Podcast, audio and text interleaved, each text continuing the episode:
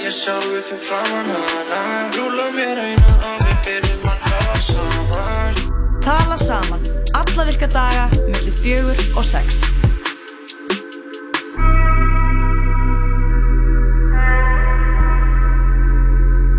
Kæri hlustandi, þýttið þess afturinn tala saman. Ég er hérna komið í lótið. Jóhann Kristófar og Lóa Björk verða með, með þér hér, kæri hlustandi, til klukkan 6 í dag. Já, þessum svona fyrsta haustdegi, svona haustmánudegi, svona eftir menninganótt. Hvort þetta er Við erum, að, við erum að sannarlega. syngja einu haustið þannig að bara í tala saman í beinni. Sumarið er búið. Það er búið. Það er bara er að koma annar tími, jafnvel mun betri. Já, hann er erfiðari. Nei, hann er betri. Hann er Við erfiðari. ætlum að útklæða þetta eftir í tala saman. Ok. Er haustið betra eða erfiðara? Og uh, hvað það er bara þjætt setin þáttur í dag. Við ætlum að aðeins sjá hvað er framundan hjá þeim sem að er að skipleggja loftslagsverkvöldin. Nú eru náttúrulega margir sem fylgjast með henni. Gretu sigla yfir Allandshafið á leiðsinni til New York þar sem verður haldinn hinn alþjóðlega þetta alþjóðlega, alþjóðlega loftslagsráðstefnan. Já, hún er bara að sigla. hún er að sigla. Og hún uh, vill náttúrulega ekki fljúa Nei. og þetta er bara spennandi ferðalag sem að heimurinn er að fylgjast með. Mm og til okkar er nefnilega er að koma hún Jóna Þórey, hún er fórsetið stúdendarás og hún er að fara að tala um þetta við okkur uh, allsherjar loftslagsverkfall og uh, viðbyrði í næstu viku. Bara spennt að tala við hana. Já, ég laka alltaf að heyra. uh, heyra hvað er að fara að gerast. Mm nýja veifið, það er mánudagur. Já, New Wave. ég setti nýtt veif Já. og ég er nokkuð við sem að þú munir hata það. Ok. en það er það sem gera það svo gott. Ok, ég hlakka til að heyra hver nýja wave vikunar er. Hvað var það eftir í síðustu viku? ég veit það ekki, veit það ekki slá einhvern utanundir eða eitthvað, ég veit Já, það með ekki svona, með svona einum hvítum hanska.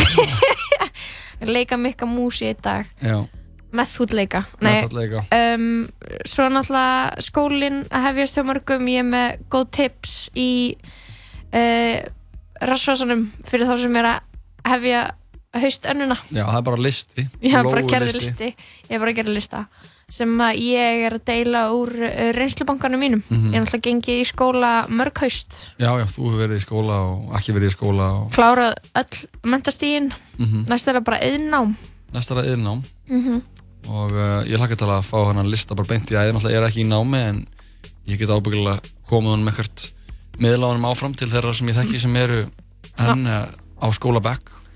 Er ekki hausti eins og öllum það, er- þessi skóla byrjun hún hefur áhrif á alla líka þá sem er ekki í námi það finna allir bara, það er allir ykkur, ykkur að kaupa stílabækur og það er new beginnings, nýtt upphaf Er fólk Þetta fyrir að hefur- skrifa í stílabækur en það? Er maður ekki bara með, með lappan?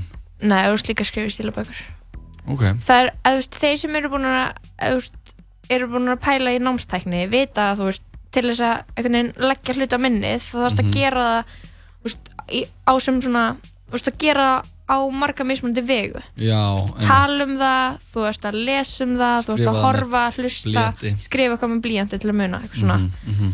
uh, ok, og svo er nýr liður mándagsliður uh, hún Brynildur Bolladóttir hún kemur hérna frá Rauðakrossunum hún ætlar að segja okkur hvað er að gerast í Sýrlandi þetta er náttúrulega uh, hvað búið að standa yfir í nokkur ár átökin Já, í Sýrlandi en uh, hún uh, kvíslaði því að mér að það væri eitthvað, eitthvað ljós glæta í myrkrinu hún kemur hérna kl. 5 og segir okkur hvað er að gerast sem að uh, við getum uh, sem er eitthvað svona von Já, þar já.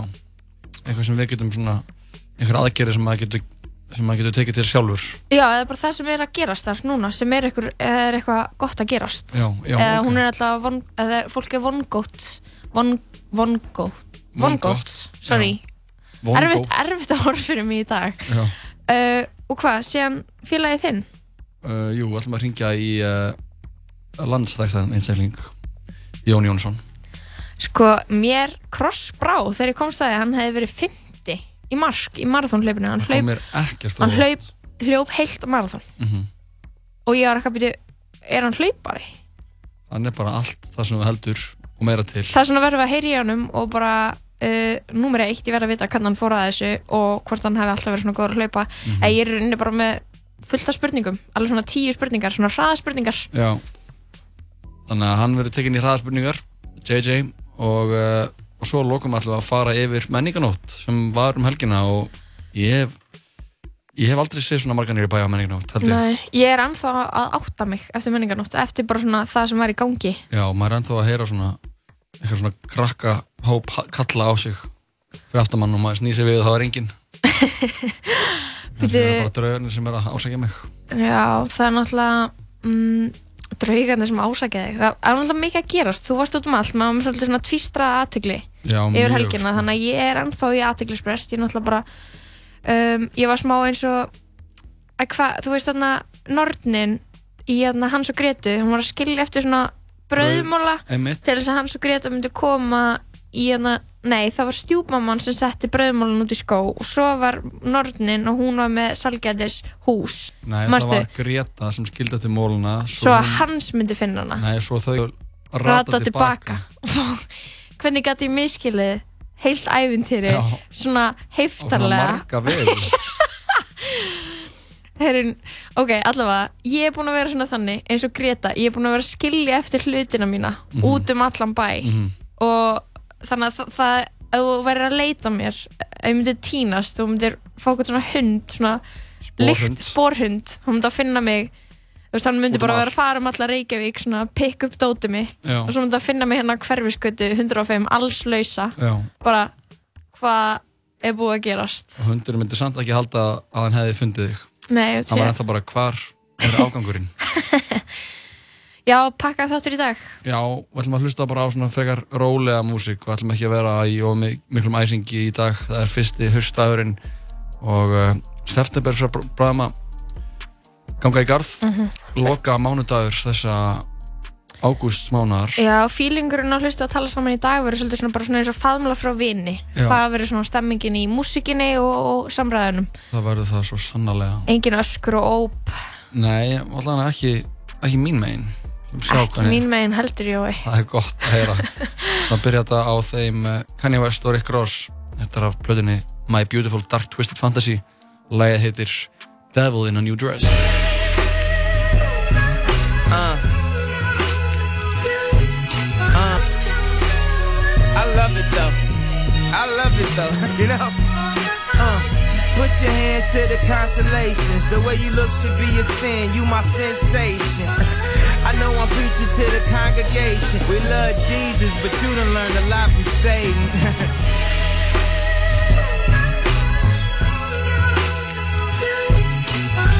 I mean, a nigga did a lot of waiting.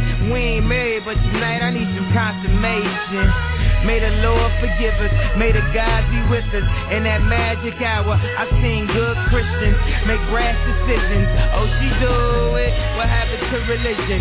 Oh, she lose it. She putting on her makeup. She casually allured. Text message breakups, the casualty of tours. How she gon' wake up and not love me no more? I thought I was the asshole. I guess it's rubbing off. Hood phenomenon, the LeBron rhyme. Hard to be humble when you stunting on a jumbotron. I'm looking at her like this what you really wanted, huh? Why we argue anyway? Oh, I forgot it's summertime. Put your hands to the constellations. The way you look should be a sin. You my sensation. I know I'm preaching to the congregation. We love Jesus, but she done learned a lot from Satan.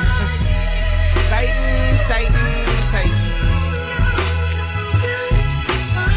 I mean, your nigga did a lot of waiting.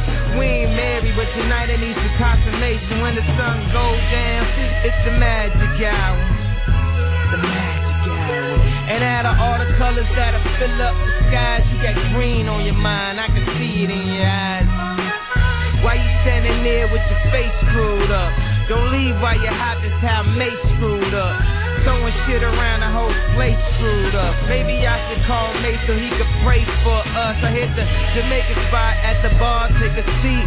I ordered your jerk, she said you are what you eat. you see, I always love a sense of humor. But tonight you should have seen how quiet the room was. The Leo Cone, a Dior Om, that's Dior on that Dior, homie. The crib Scarface, could it be more Tony? You love me for me, could you be more phony? Put your hands to the constellation. The way you look should be a sin. You my sensation. I haven't said a word. I haven't said a word to me this evening. Cat got your tongue.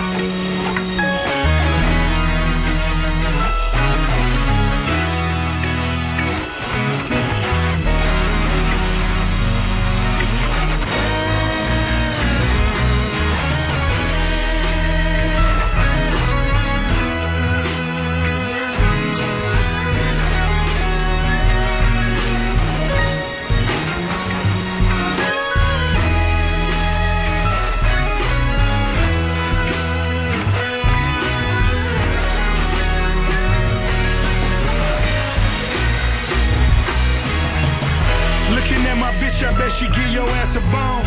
Looking at my wrist, it'll turn your ass to stone. Stretch limousine, sipping rose all alone. Double-headed monster with a mind of his own. Cherry red chariot, excess is just my character. All black tux, nigga shoes lavender. I never needed acceptance from all you outsiders. Had ciphers with Yeezy before his mouth wired. Before his jaw shattered, climbing up the Lord's ladder. We still speeding, running signs like they don't matter. Uh, hater talking never made me mad. Never that, not when I'm in my favorite paper tag. Therefore, G4s at the clearport. When it come to tools, fool, I'm a pep boy. When it came to dope, I was quick to export. Never tired of balling, so it's on to the next sport. New Mercedes sedan, the Lex Sport. So many cars, DMV thought it was mail fraud. Different traps I was getting mail from. Hope County, Jacksonville, right Melbourne. Whole click appetites had tapeworms spinning Teddy Pendergrass final as my J burns. I shed a tear before the night's over. God bless the man I put the sights over. Getting Tupac money twice over. Still a real nigga, red Gucci sweater dice roller. I'm making love to the angel of death. Catching feelings, never stumble, retracing my steps.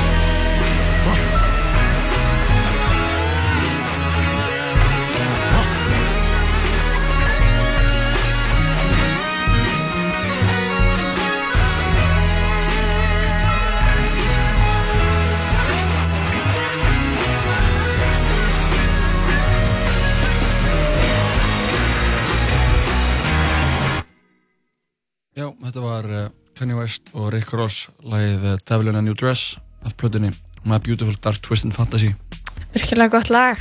Um, nú erum við komið góðan gestil okkar hérna Jónu Þórei, hún er fórsetið stundarás. Þú ert hjertalega velkominn. Takk hérlega fyrir að fá mig. Hvernig hefur það í dag? Ótrúlega gott, en þið? Við erum ágætt sko Við erum alltaf bara, ég er fersk sko, ég er bara hljótt að sé haust. Við erum bara að þetta að það er fyrst í svona dagur haustins í dag og sumarið er bara officially búið Mm Mér Ég fann finnst fyrir það því á geggjað, sko. hjólinu, sko. Já, þú hjólar ringað. Ok, þú ert ein af þeim sem er að skipulegja uh, þessi uh, hva, loftslagsverkföll sem Já. eru á föstum og nú er svolítið uh, stóru hlutir að gerast. Greta er að sigla yfir hafið, leðina á ráðstefnu, mm það ekki? Jú. Og það verður allsherja loftslagsverkfall sem hefst vikuna 20. september, það ekki rétt um mér. Jú. Og getur sagt okkur aðeins frá þessu? Já, uh, Greta sem sagt uh, er núna búin að vera í rúmlega ár í verkvöldum. Við byrjuðum hérna á Íslandi 22. februar Já. og erum búin að vera á Östufelli alltaf uh, sem sagt förstu dagar klukkan 12 og það eru búin að vera uh, tvö allsherjar verkvöld allavega sem við erum búin að halda hérna á Íslandi uh, að því að reglulega alltaf þegar hún er sko í 20. viku eða 30. viku eða 40. viku í verkvöldunum hjá sér þá hefur hún þá hefur verið eld til svona allsherjar alheimsverkvalla sem við hefum verið að kalla þau núna Ok. en, en lofslagsvikan hann að 20. september Mhm. þar er hún í rauninni að byðla til, til fullorna Mhm. að ganga til liðs við krakkana og unga fólkið sem eru búin að vera að nýta sér sína skólaskildu til þess að fara í verkvöld Já. og bara að byggja fullorna og alla til þess að taka þátt og það hefst þannig að föstudaginn 20. september klukkan 12, byrjum frá Hallgrímskirkju, löpum saman nýr á Östuvell og síðan klukkan 5 mun allavega að vera dagskrá á Östuvelli fyrir sem að allir sem að geta þá í rauninni komið þá klukkan 5 en sem sagt þetta er svona kick-off viðbyrjur náttúrulega klukkan 12 20. seft og verkfallsvikan stendur í rauninni til 27. Er verið að byggja fólk um að, þú veist, mæti ekki vinnuna í viku? Já, eða sem sagt verkföllin á Östuvelli Já. munu alltaf vera uh, frá 12 til 1 þessa vikuna Ok. eins og þau hafa verið alla föstudaga, það hefur alltaf verið 12 til 1 verkfall Já, já, og nú er það bara hverjum virkum degi. Já, og þarna 20. þá erum við í rauninni bara óska eftir því og það hefur verið að kalla til fullanda fólksins að Mhm. gera eins og krakkarnir eru búin að vera að gera koma með okkur 12 til 1, lágmark Mhm. uh, í gönguna, saminast á Östuvelli og síðan verður alveg heljarna dagskrá frá klukkan 5 á föstudeginum Hverju anna vonist þið til þess að ná fram? Þú veist, hva, hversu mikilvægt að gera þetta í þessari viku? um, ef að þessi vika sem ég held nú að gerist fer vel á stað og gengur vel uh, þá erum við þáttakandur í þessari svona byltingu sem að ég held að muni raunverulega sína sig í þessari viku. Þetta er náttúrulega, Greta er búin að koma á staðbyltingu, það er alveg á hreinu en svona þetta er bara búið að vera á unga fólkinu þau Já. eiga bara að mæta, krakkarnir í skólanum eiga bara að mæta Mhm. en núna er tækifæri fyrir fóldrana og fullarna fólkið að segja við stöndum með ykkur, við viljum líka tryggja ykkar framtíð og komandi kynsluða Mhm. og taka þannig þátt með okkur en ekki bara segja, jú, þetta var flott hjá þér, mættið þú ekki? Þú veist, komið þið líka, þetta er á okkur öllum. Einmitt, hvað, hvað finnst þér um eitthvað svona eitthvað fólk get ekki þú veist, skrópa í vinnuna og svona fólk sem að finnst ógslag mikilvægt að það sé í vinnunni? Hvað viltu, segja við þú veist, þá einstaklinga? Eins og ég hugsa bara, ég hugsa bara sjálf bara, og mér langar ekki að mæta en ég þarf líka að vinna. Mhm. og er þetta ekki bara eitthvað sem allir eru að hugsa öruglega og málið er að þetta er náttúrulega svona smá hluti af bara borgarlegri óhlýðni og þeirri taktík að segja, veist að fara í verkvallið fyrir lofslæð ekki í verkvall fyrir launakjör sem er hefðbundið Já. sem að fólk gerir en það að, þú veist, brjóta reglunar með þessum hætti fyrir almannaheill Mhm. og fyrir framtíð komandi kynnslóða er bara partur af okkar valdi sem lýræðis, í lýræðis samfélagi Já.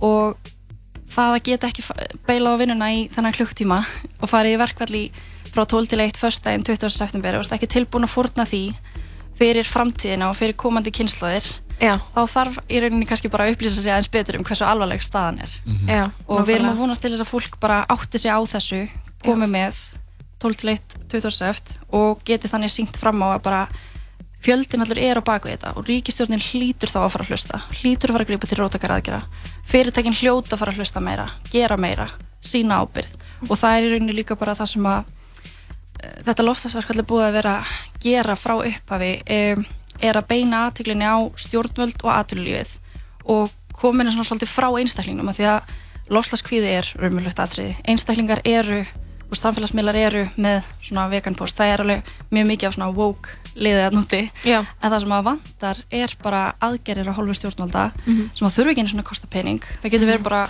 regluverk fyrir fyrirtæki til þess að haga sér á umhverfisverðnum máta, grænir kvatar Mhm. grænir skattar, við getum að segja grætt á þessu. Grænar Mhm. ívilnanir, þú veist.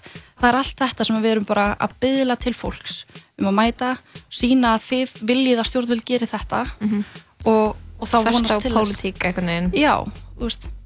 Þetta ánefnilega ekki vera hægri vinstri mál alls Nei, ekki það hefur samt verið það algjörlega, mikið. algjörlega en nú erum við með hægri flokk, við erum með vinstri flokk og við erum með, þú veist, í ríkistjórn hvað ætlaðu þau að gera? ætlaðu að gera eitthvað? ætlaðu að gera eitthvað meira en við erum, þú veist, búin að byggja um Hvað fannst þér um til dæmis uh, ræðina og Katrínu og, og leiðtöfum Norðurlandana núna út í Viðey þegar þau hittu Merkel og þau voru að tala um Mhm. að já, nú þyrftu sko að fara að gera eitthvað í loftasmálum, er þetta ekki bara eitthvað sem maður hefur heyrt bara rosalega oft, bara svona ítrekkað í gegnum árin eitthvað svona já, já, eitthvað svona við erum að spá í þessu og við munum grípa til aðgerða. Jú, þú veist, það er náttúrulega fínt að sé verið að segja þetta.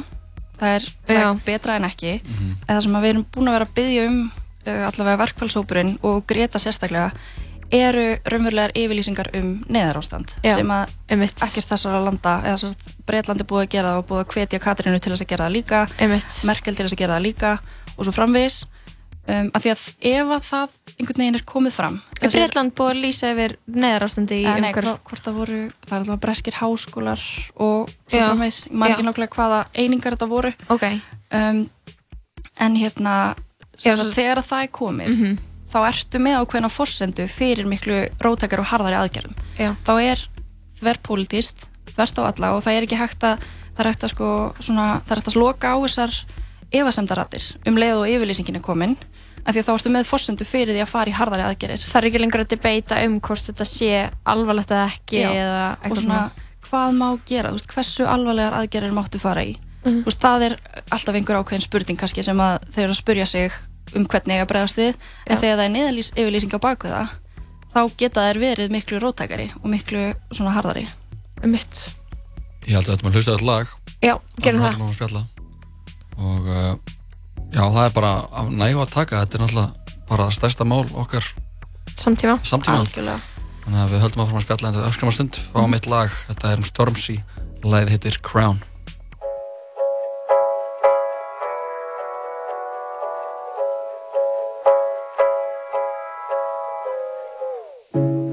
Searching every corner of my mind. Looking for the answers I can't find. I have my reasons and life has its lessons. I try to be grateful and count all my blessings, but heavy is the head that wears the crown.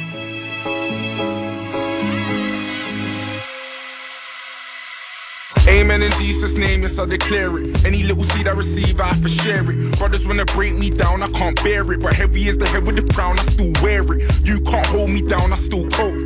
Rain falling down at the bricks, I'm still soaked. Try put a hole in our ship, we'll build boats. Two birds with one stone, I pull both. Pray I never lose and pray I never hit the show. Promise if I do that, you'll be checking on my health.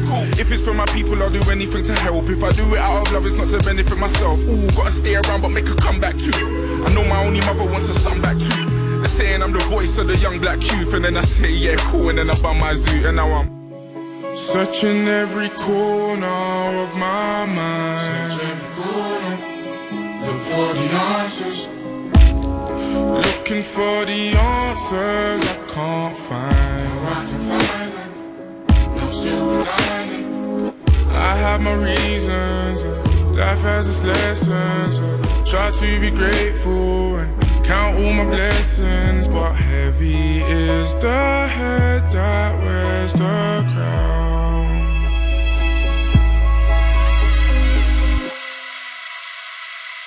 Amen in Jesus' name, oh yes, I claim it. Any little bread that I make, I have to break it. Brothers wanna break me down, I can't take it. I done a scholarship for the kids, they said it's racist. That's not anti-white, it's pro-black.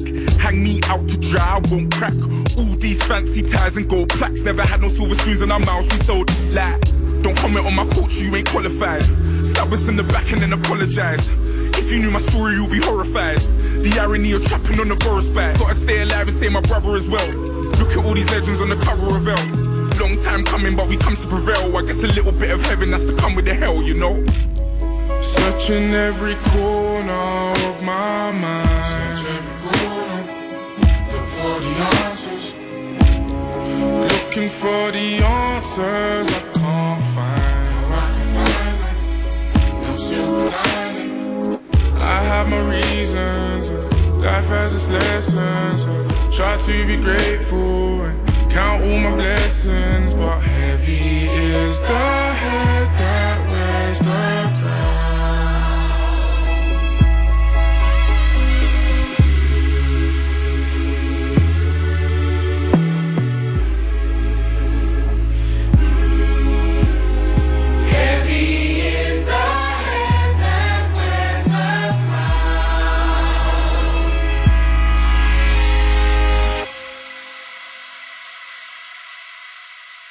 Þá Stormzy lagið Crown. Það vakti miklu aðteklið að hann tók þetta lag á, uh, á Glastonbury. Já, rosalegt vídeo að því, ég mæli með að fólk uh, tjekkja á því að þið eru áhuga en uh, við erum að ræða með hennar Jónu Þóri í fórsetta stúdendarás Við erum að tala um uh, allsera lofslagsverkvallið og það sem Greta er að leggja á sig. Já, og borgarlega óhlýðinni. Já það, það verður þetta allsæjar verkfall Mhm. Sem er hvað, föstudaginn Það hefst í vikunni hefst í 20. vikunni september 1. september Já. og, og nær hámarki á föstudaginum ekki satt Jú, við munum leggja mest upp úr þessast verkfalls uh, skipulagshópurinn mun leggja mest upp úr uh, förstudeginum 20. september og uh, verkfallið í rauninni stendur samt yfir í viku og það verður alltaf einhver á austuvelli frá skipulagshópnum og, og vonandi bara sem flestir borgarar frá 12 til 1 alla vikuna þanga til að þessari allsherjar alþjóðlegu verkfallsviku líkur 27. sem er líka förstaður og þá verður uh, líka einhvers konar svona viðbörur til að loka þessu Mhm. en 20. seft er svona hápunkturinn, myndu við segja sko. Hverjir, uh, það er svolítið mörg samtök sem Mhm. eru á bakvið þessar aðgerður á Íslandi Hverjir eru á bakvið þetta? Er þetta stór hópur? Já, uh, þetta er alveg mjög stór hópur og það eru líka í honum bara einstaklingar og aktivistar sem að vilja láta til sín taka Já. en félögin sem að standa að þessu er stúdendaráð, Háskóli Íslands uh, landsamtök íslenskra stúdenda uh, samtök íslenskra framhaldsskólanema ungir umhverfisinnar og svo erum að fá liðsinni landvendar vegna sagt þessara lofslagsviku en Ok. landvend hefur ekki verið sérstaklega skipulegja verkvöldin hinga til en við erum búin að vinna helling með þeim og þau koma núna inn í þessa viku og gefa okkur svona aðeins meiri kraft þau hafa aðeins meiri hérna, burði til þess að aðstofa við þessa skipulagningu því að þetta verður í rauninni langstæsti viðburðun sem við munum hafa haldið. Okay. og það verður líka, svo ég tilkynna það líka og mun fara stað undirskriftasöfnun samhliða verkvælsvíkunni sem að við munum líka auglýsa nánar hvetjum- áskorun þá til stjórnvalda eða eitthvað slíkt? Já, í rauninni. Og hvaðna, uh, hvernig finnst þér að hafa gengið að þú veist, virkja fólk? Er þetta stór hópur sem að langar í eitthvað svona aðgerðir? Þú veist, finnið þið svona, það eru margir sem sína áhuga að taka þátt í starfinu með ykkur? Já, klálega, við, það verður ekki verið neitt vandamál að finna fólk í verkin sko og það sem hefur líka svona komið hvað mest við mig er bara hvað eru margir krakkar sem að spyrja hvernig getur við hjálpað ykkur Svona krakkar í úlingadeild eða Já, og grunnskólum? bara í verkvöldunum og bara niður í þriðjabekk sem eru bara, má ég tala hérna, má ég segja eins frá veist, hvað við erum að gera heima og hvað mér langar að gera og, og bara krakkarnir sjálfur hafa líka verið að ávarpa á alheimsverkvöldunum sem við erum búin að halda hinga til og hérna bara hreift langmest við manni í rauninni af því að þau eru skítrætt þau vilja breytingarnar, þau átt að sjá alvarleika málsins og þau segja líka bara ef að Greta getur þetta, þá getur við þetta líka. Einmitt. Það er eitthvað svona magna við enna hvernig þessi loftslagsvandi er að koma við börn út af því að það er svona það er eitthvað- eins og eitthvað gerist þegar þú verður fullorðin að þú, ég veit ekki hvort þú verður eitthvað svona meira cynical eða hvort þú þú veist, sjáir eitthvað neginn hvað heimurinn er ekki svart hvítur Mhm. en þú veist, það þarf oft bara að segja við börn eitthvað svona þetta er vond og þá bara er það vond skilur Já. og svo fara línunar ekkert að blörrast fyrir en Nei. þú veist, upp úr mentaskóla aldrei Já. og fram að því er maður svo handvissum hvað er rétt og ránt og svo bara, ég veit ekki hvað gerist þegar maður verður fullarinn, maður verður eitthvað súr í höstnum sko Já, og það er líka verið líka að mér finnst ég að tekja eftir því að það er meira svona hjá að konur og stelpur hafi ágjörða þessu frekar en kallar Mhm. ég tek Já. mjög mikið eftir því að bara ykkur gauðar sem er að tala við það bara já, ég er bara ég hef engar ágjörða þessu Mm. en bara að finna ekki fyrir neinum oft eitthvað svona að mér gæti ekki verið meira sama og næstu svona eins og þetta varði ekki Mhm. stráka, eða þú veist svona upp, já, upp, ég veit ekki maður getur ekkert alhæft um þetta en svona ég, það, ég hef oft séð eitthvað svona sambönda sem er svona kona sem flokkar og reynir að vera eitthvað svona zero waste og kannski vegan og með kærasta sem kemur með kjöt í hverja einstu grillveislu og bara svona eins og bara sko og ég er ekki að fara eitthvað fullir hérna bara að allir verða að hætta að borða kjöt út af því að þá munið berga heiminum, ég veit að það er ekki það einfalt en það er svona eitt af þessum litlu skrefum sem að mjög margir taka. Mhm. og þú veist, Greta hefur kvart til og vísindamenn benda á að sé ein Klárlega, góð leið þá svona eitthvað, þá eins og þetta sé ekki fyrir bara, fyrir mörgum sko. Nei, nokkulega hvernig er þið að þú veist uh, fyrir svona fyrir utan þessi verkföll Já. hvernig, hvað er það að gera til þess að þú veist, halda umræðinu gangandi og svona hvet, hvetja til umræði Sko við erum náttúrulega uh, fulltrúar í skiplagsóknum eru forsvarsmenn úr þessum félögum sem ég taldi upp hérna fyrir þættinum, þú veist þess að ég er frá stúdendaráði Já. og í stúdendaráði þá eru við til dæmis í fyrst skipti núna að vinna í umhverfistefnu fyrir skrifstofana, þannig að veist við vinnum pappislaust og svo framvegis Já. og erum að uh, inn í stúdendaráði líka búin að fá inn tilhör um hérna að við stúdendaráði lýsi við neðarástandi sem við erum búin að gera og þannig gera, skrifa áskorun til stjórnvaldum að gera það líka Mhm. og háskólans uh, því að háskólasamfélagið og nýsköpun og rannsóknir og allt það samfélag og batteri þarf að taka til hendinni líka Mhm. og lýsa yfir neðar ástandi uh, því að þar er þekkingin og þarna verður tekið marka á þeim.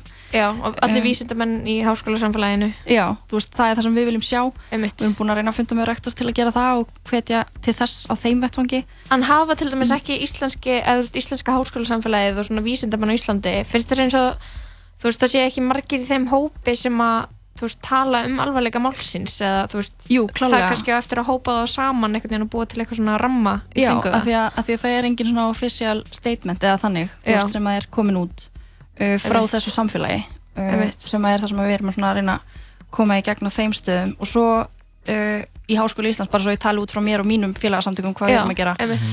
Þá erum við búin að vinna mjög vel með Hámu og félagstofnum stúdenta sem að rekur háskóla búðina og mötuniti á svæðinu sem að muna alltaf núna vera með veganrétt og eina vegansúpu og það er, þú veist, verið að hætta að selja vassflöskur í plasti, plastnývapörin eru farin og svo framvegis, bara því að við erum búin að ná mjög góðu samtali við þau á síðustu tveimur árum eftir að við byrjuðum í Mhm. lofslagsverkvallinu Mhm.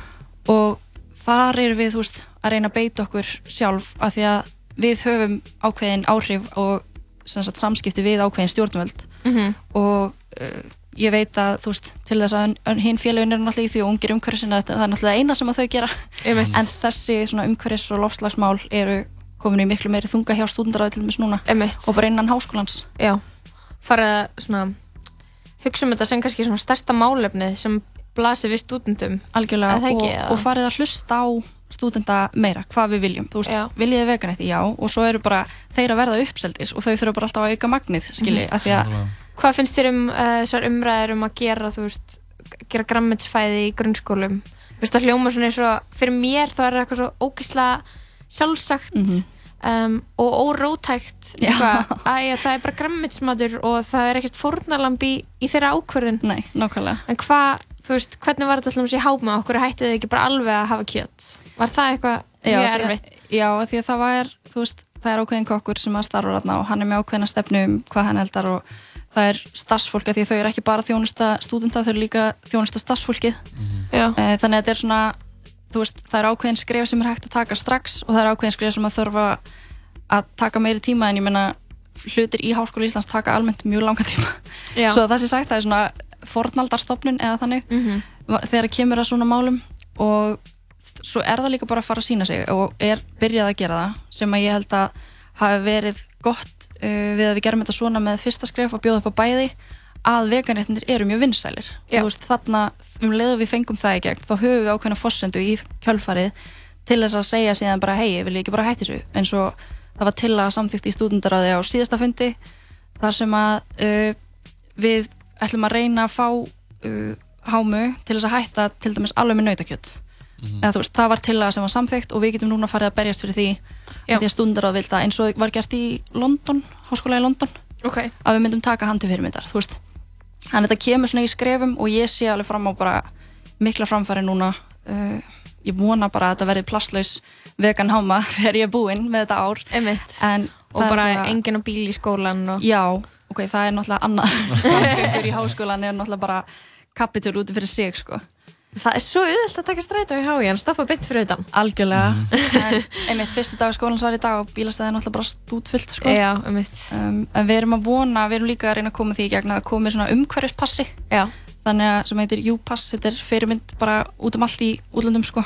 Og þá getur í rauninni bara fengið frýtt strætókort og þá uh, sem sagt, bara fyrir alla háskólanema Já, mér finnst það geggja því ég hugsa líka, ok, þetta eru mjög mótandi ár þú veist, svona að læra að lifa lífinu Mhm. sem sjálfstæð manneskja og þú ert að fara að taka ákvarðanir eitthvað svona hvernig þitt svona, svona siðferði í svona, svona þínu lífi verður þú veist, eitthvað svona, kannski farin að búa einn allavega búin að ákvæða eitthvað svona mentun og eitthvað svona stefnu sem þú ætlar að taka Mm. og þú veist bara, þú veist, bara fær bara geðveika uh, geðveikan kvata til þess að vera umhverfisvæðin í samgöngum þú veist, þá fylgir það þér út í lífi er að þú bara er bara varst alltaf í strætó í háskóla þá fattar þú bara, já betur ok, það fyrir mig að taka strætó er ekkert mál. Og það verður bara, veist, ég skil, ég skil ekki af hverju það er ekki frítt í strætó fyrir nema, sko. Og bara hjólaleiðir og að Já. gera þú veist, háskólasvæðið svona aðgengilegra fyrir bílausan lífstíl. Já. og það fælst líka náttúrulega því að koma fleiri stúdenda íbúðum á svæðið sem er alveg í vinslu líka. Breyti þessu, ég sko, breyta bílastæðin í stúdenda íbúður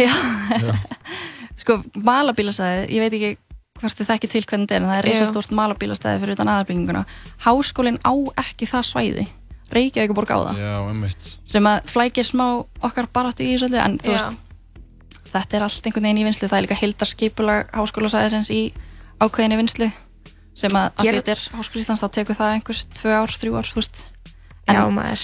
en við munum húsja okkar sko grænu sjónum fram þar og það Já, er alveg geggjað. já, Já, það er mjög gott að vita ykkur bara að gera vinna þetta starri í háskólum það, það, þetta er svona barndagi sem þarf að, að vera Vinna á staðar. öllum, algjörlega. öllum og þetta er þú veist 12-13 manna samfélag. Veist það eru 12.600 nefndur eða eitthvað við skólan og ef að þau koma öll inn í svona ákveðna menningu þar sem er bara bílaus lífstíð þú færð um, umhverfis eða sérst umhverfisvænan samgöngupassa og það er alltaf vegan í matnum skilur þá skilur við þér þannig síðan út í samfélagi veist, Einmitt. og það er sama með grunnskóluna þess vegna er þetta svona Já. gott framtak þar að vera Já. með græmitisfæði þar þá er það eitthvað bara sem er svona þetta er orðið sjálfsagt, þetta er ekki orðið eitthvað svona hætta að borða kjöt, heldur bara á ég að borða kjöt þú veist, Einmitt. einhvern veginn annar hugsunaráttur sem að þarf að koma inn í fólk og allir þurfa að gera svona á stofnanir náttúrulega að axla mikla ábyrð þarna sko.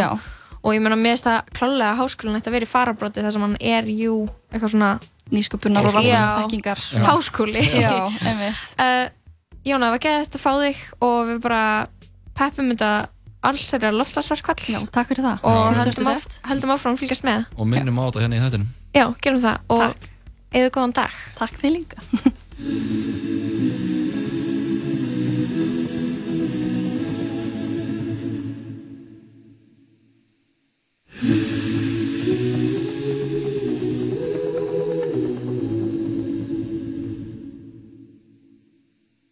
Don't you know I'm no good for you?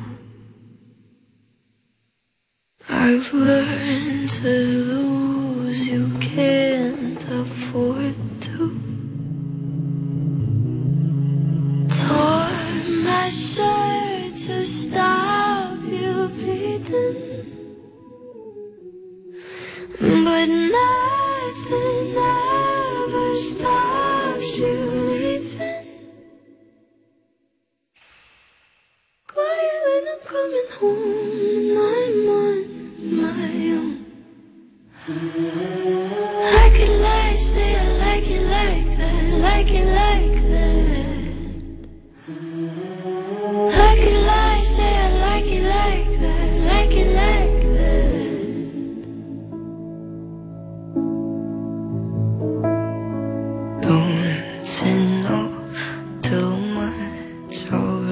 be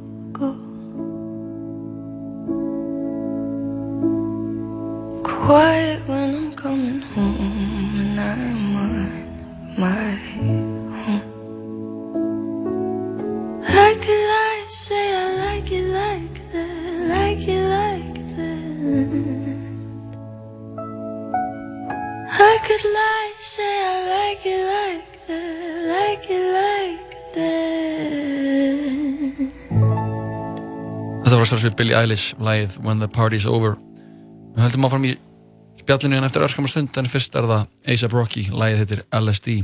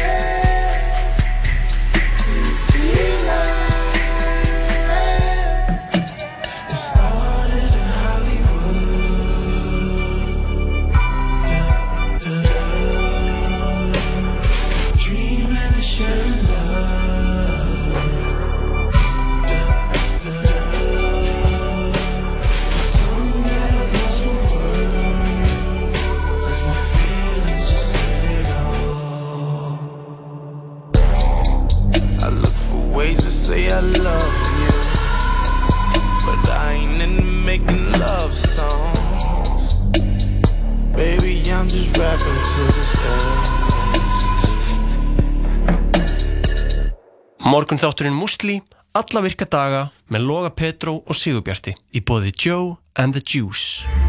Framlag Íslands til kvikmyndaveluna Norðurlandaræðis. Hvítur hvítur dagur kemur í bíó 7. september. Hamborgarabúla Tómasar, Ísland, Ísland, áfram Ísland. Hamborgarabúla Tómasar. Velkomin í sambandið. Símafélag framtíðarinnar. Here I come. Anybody Níunda kvikmynd Quentin Tarantino Leonardo DiCaprio I'm Rick Dalton Brad Pitt Here comes trouble Charlie's gonna dig you. Once upon a time in Hollywood Komin í bíó Þú ert að hlusta á útvarp 101 Jú, jú, það er síðan sáttur að tala saman sem heldur hér áfram á útvarstöðinni Útvarp 101, Jóhann Kristófur og Lóa Björk verum með þér til kl. 6 í dag.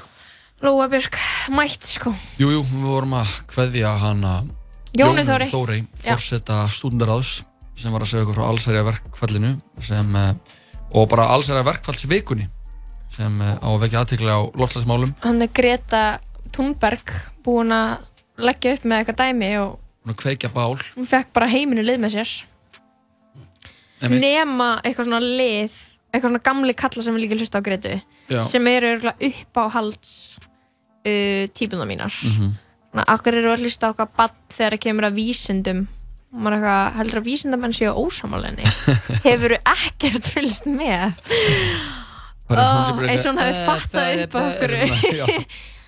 En já. Lóa, um helgina Já. þá var aldrei stór helgi Já, bara stórir ris- dagar, stór helgi, sko. risastór helgi og menninganóttu var að sjálfsögðu núna á lögadaginn Já. og uh, ég tók meiri þátt í þessari menninganótt en ég hef gert síðust ár að því leiti að ég var meira þátt heldur en bara í, þú tekur í þínu eigin lífi sko, já, ég, í var bara, rauninni. ég var bara nýri bæ allan daginn. Og alla nóttina. Og allan nóttina. Mm og, uh, og það var aldrei merkjöld að sjá sko, að uh, ég fór að spila á miðbakkanum.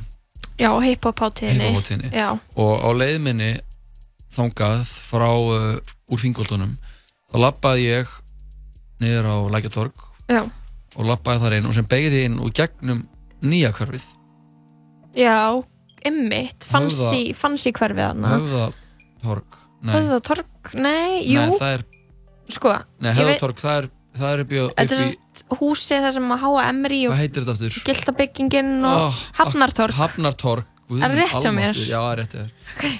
Og að lappa þannig, sko. gegn Mhm. og, og horfa sér að á þannig horfði þar í áttasjónum. Ok, og sá hörpuna og sá reytin sem er fyrir utan hörpu sem er, sem er uh, stór hóla á. Já, og, uh, og sá, sá síðan uh, miðbakkan já, og mér bara eins og ég var í komið til útlanda. Já, var bara- Svakaleg uppbygging, Já. mikið að gerast. svona urban, urban stemning. Já, bara alvöru borg allt í hennu já, vá, ég- þú hljóma bara eins og- gíslimarsteinn. Já, ég, mér leið þannig mér Já. leið bara eins og það þessu markmiði sem uh, einhver hefur Sem er lagt upp með. Já, og bara allir þessi urbanistar út um allan bæ Mhm. því hefur verið náð Já, og ég fór að spila á miðbakkanum og var bara, vá, þetta er geggja svæði það var bara fólk í körfubolta, Já. fólk að skeita tónleikar í gangi Ok, reynd- matarvagnar reyndar bara null konur að spila á þessum tónleika tónleikum sem er svona smá klúður árið 2019 Já, það er virkilega ófylgægt Já, einmitt. En, uh, En samt vel, gerist- hefnar ívent að öðru leiti eða hvað? Já, ég myndi segja að það hefur verið mjög lefnað Va- Var ekki mikið fólki eða? Jú, ég var að spila og það tók smá tíma fyrir að þessi krakkar sem maður að spila fyrir. Já. það er svona manns helsti aðdánda og diggasti aðdándarhópur Ok, uh, á dögum sem þessum held ég að þau verði svona uh, ofpeppist eða? nei, það þarf allir svona það þarf allir að, að, að stýra þeim Nú. í áttina stemningunni þau, geta, þau eru bara ung og þau eru á Snapchat og þau eru mikið að krökkum í kringu þau þau eru svona í kringum sig og eru Svona hvar á maður að vera dæmi Já, eða? bara hver er ég, hvar á ég að vera Já, Þannig það að- er bara ennþá þannig og ég er 26 ára emitt og, En það þarf að stýra þeim jáfnvel enn frekar, viltu en, meina? Já, ég held það Ok. En það, þau allan að ég, ég spilaði fyrir þau og, og, og kom þeim í mikið stuð Já, þrátt fyrir ég segi sjálfur frá.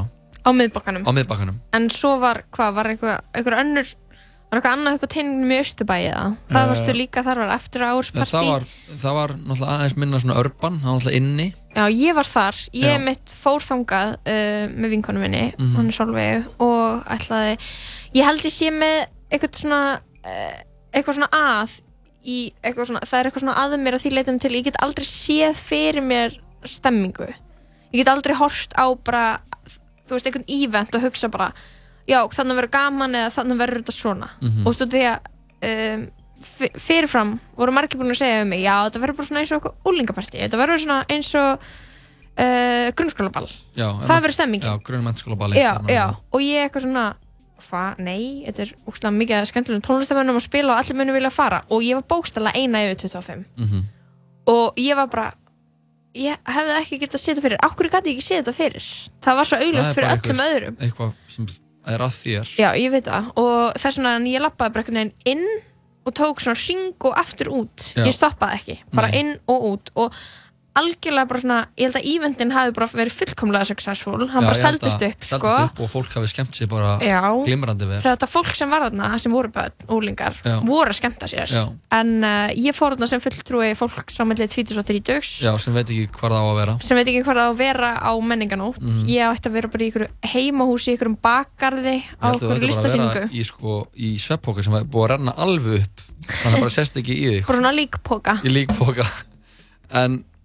það var bara meðast merkilegt að sjá sko uh, að því ég fór sérna aftur áður en ég fór í Böstubæ fór ég aftur, ég fór að borða ég kom ég aftur nýra meðbakka og það var mjög gaman að vera þannig í, í hana, þegar komið myrkur Já. og flugaldanir Já. og ég hugsaði bara, vá, þetta er menninganótt, er svona þjóðháttíð Reykjavíkur, borgar Já, klálega. og Vöfflukaffið og... Vöflukaffið, af því að eins og ég upplifið á þjóðatíð þá upplifið eins núna á menninganótt einhvern veginn bara eins og að veri uh, kveikt á rofa eða slögt á rofa þá var þessi mikla fjölskyldaháttíð að einhverju svona gargandi fylleri sem var ekki mikla nöytt að fá út úr Sko... alltaf ekki fyrir mann eins og mig Þetta var svo mikið fyllir í. Já, og maður sér bara eitthvað krakka að guppa og maður er eitthvað ei og maður er einhvern veginn þá Það er eitthvað sem dark side líka í bænum, sko. Það var, ég kíkti mitt út á Mhm. jammið og var svona, já, þetta var, þetta var svona karnival, svona karnivalísk stemming. Já, þetta er karnival Og fólk alveg með að sína eitthvað annað andlit heldur en það sýnir annar staðar. Algjörlega. Fara inn, inn í hérna lægstu kvatir. Mhm. Allir í bænum sem eru vanleik í bænum fara það sem fólk er. Ég upplifi sko uh, ég fekk svona FOMO á þessum degi en ég hefði, þú veist það sem ég hefði viljað gera væri að skipta líkamannum mínum í svona 16 líkama Já, og senda það alla í vöflukaffi garðparti, eitthvað svona bakgarði, lista viðburð þarna í þingkoltanum lista viðburð þarna, bara vera út um allt. En ég gata það ekki þannig ég var bara heima. En þú varst ekki nýri bæ? Nei, ekki nema bara seint um kvöldið. Ég skil, já. Ég var ekkert á flakkinu sko. Nei, ég var bara, þetta er of, ég er of mikið í ég bóði Ég fór á flakk, sko. Já, ég finnst bara of mikið í bóði þannig ég sá í rauninni ekki menningar daginn Nei Þú Klúður. varst bara með menningar partí heima að þér í Ísapoka sem Ég- var rendur alveg upp. Já, ég satt bara fyrir frá tölvuskjá og var eitthvað svona stara á hann, skilur Mhm. það var, ég veit ekki hvort það eitthvað tengi við þetta. Svona þegar of mikið í gangi að ákveða að- gera ekki neitt. Ég held að það sé algjörlega klart mála það er fólk að núti sem tengir al Ok. bara alveg við þá þetta. þá vil ég bara að þú vitir að þú veist ekki ein. Nei, en mér fannst gaman að menningarnótt Já, og ég hefði eins og þú segir, ég gæti alveg skipt mér upp í nokkra hluta til, þess að gera þetta allt. En ég Mhm. fór á eina, eina listasýningu eina opnun. Hvaða listasýningu fórst á? hjá kjartanir hinsinni Já, ég fór líka þangað. Já, en uh, þú veist, en það, ég þurfti eiginlega ekkert meira. Ég hefði kannski ekki, ég hefði verið til að slafir í mig einni vöflu ég líka. Ég hefði alveg verið til að fara í eitthvað heimahús og fá vöflu jafnvel síðan í súpu eitthvað annar staðar. Já, bara gera eitthvað svona næs. Um, allavega. Allavega. Talandi um menninganót við ætlum aðeins að skipta um umræðefni og gýr í tala saman í dag. Mhm. ætlum að fá hana Brynildi Bolladóttur til okkar. Hún er að vinna á Rauðakrossinum hún ætlar aðeins að veita okkur update á því sem er að gerast í Sýrlandi. Eftir öskamá stund. Já, við ætlum að hlusta lag og svo fáum við hann að hinga inn í hljóðveri til okkar í uh, gott spjall Heldur betur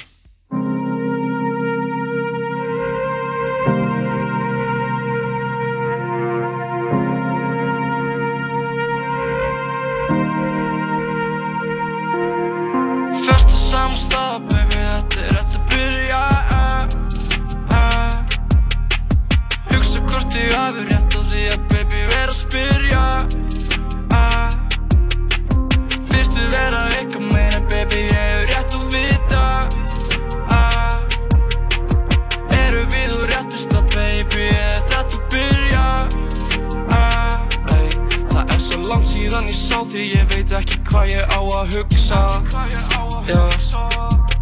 Ég veit alveg hvað ég á að gera Þú þarft ekki að hugsa um það Já. En það er ekki neitt fyrir mér Alveg saman ykkur því ég fer Hún vil ekki vera með mér Það breytir ekki neinu þegar ég kem breytir ekki neinu, aldrei ekki neitt Þú veist alveg út af hverju var að koma seint Ég ætla ekki að segja sorry þó mér þykir leið Að þetta hafi þurft að enda svona fáum einhver breytt Fyrst og samstað, baby, þetta er rétt að byrja uh, uh. Hugsa hvort ég hafi rétt á því að baby vera að spyrja uh. Fyrst við vera eitthvað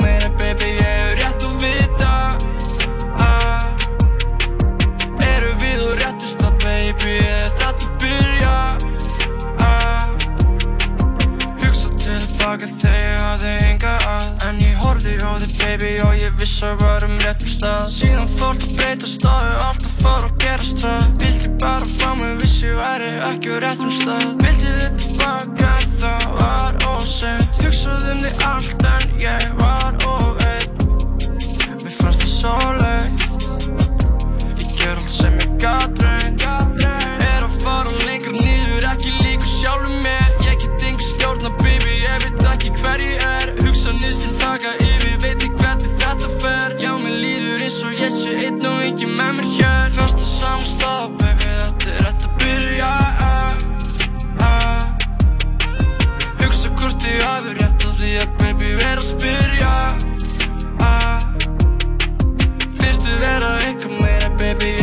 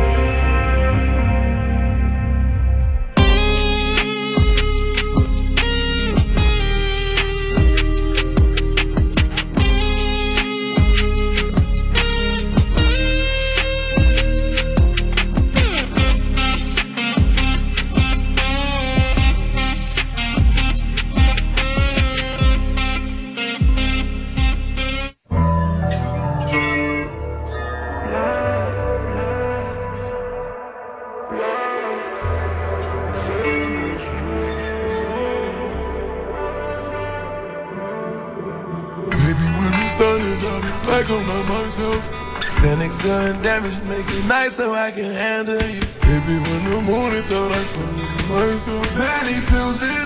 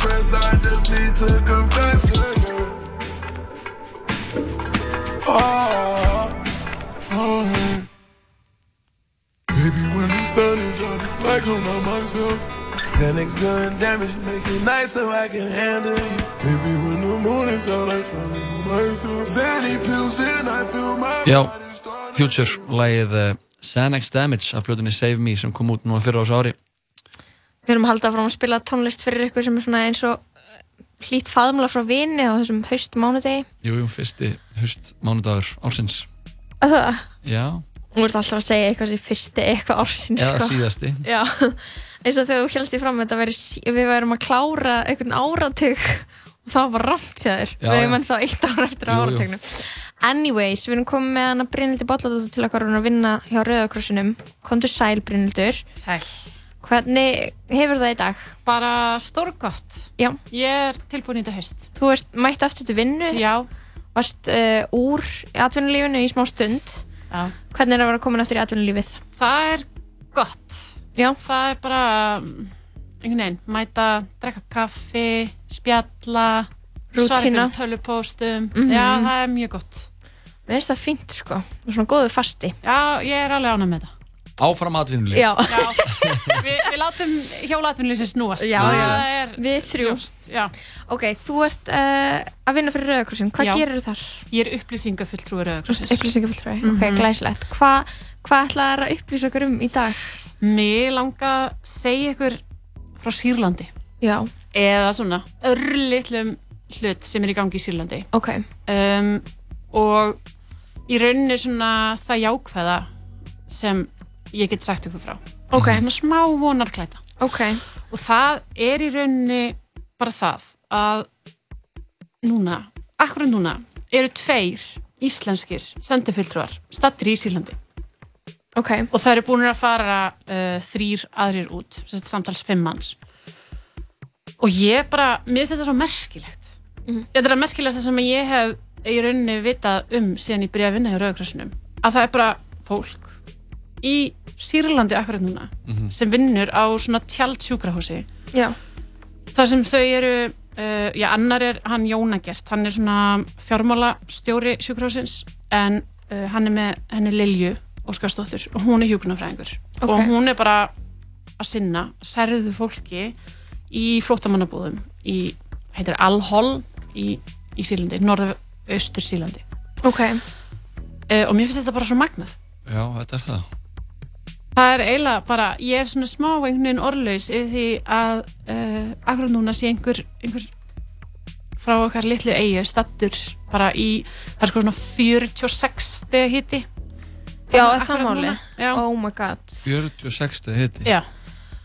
Hvernig er það, þú veist, er búið að vera, um, hvernig er svona staðan á átökunum núna? Já, sko þau eru aðeins uh, minn en þau voru En, en, fer, þetta ekki stundum í bylgjum? Jú, jú, þetta fer í mjög miklum bylgjum og þú veist, þetta er bara það sér ekkert endilega fyrir endan á, á þessum átökum, sko en ég er nú svo sem engin sérfræðingur um, um svona um það allt Nei. en það sem að er í rauninni um, svona magnað eins og við Rauðakross hreyfinguna. Já. Rauðakrossin er starfrættur í öllum löndum í heiminum. Og, hérna, og það er svona alþjóðráð Rauðakrossis er svona kannski stóri bróðurinn sem starfar alls það, sem eru átök. Og uh, Rauðkrossin er hlutlaus og óhlutrægur og fær uh, í rauninni oft aðganga svæðum sem að um, til dæmis kannski saminuð þjóðnar myndi ekki fá aðganga af því saminuð þjóðnar eru með eitthvað pólitískan vilja. Samt, já þú veist, pólitískt bandalag eða hvað sem já. maður kalla það. Það er alltaf bara þjóðirnar sem að og taka gera hliðar það. í átökum og svo leiðis Get, já, gera það, en Rauðakrossin gerir það ekki. Heldur bara að vinna með öllum og spyr ekki um neitt uh, Einmitt. þegar hann er að hjálpa að fólki. Þú veist, þannig að Rauðakrossin myndi alveg líka að sinna uh, ISIS liðum Einmitt, og gerir það. Og gerir það og af því að Rauðakrossin er þessi hlutleysi aðili þá er hann alltaf að vinna með öllum hópum. Og, þarna, og það er ógisla flóki í Sýrlandi af því það eru svo margir mismunandi hópar í átökum. Einmitt. þannig að það þarf að vinna með öllum til þess að bara fá aðganga einhverju svæðum vera einhver staðar.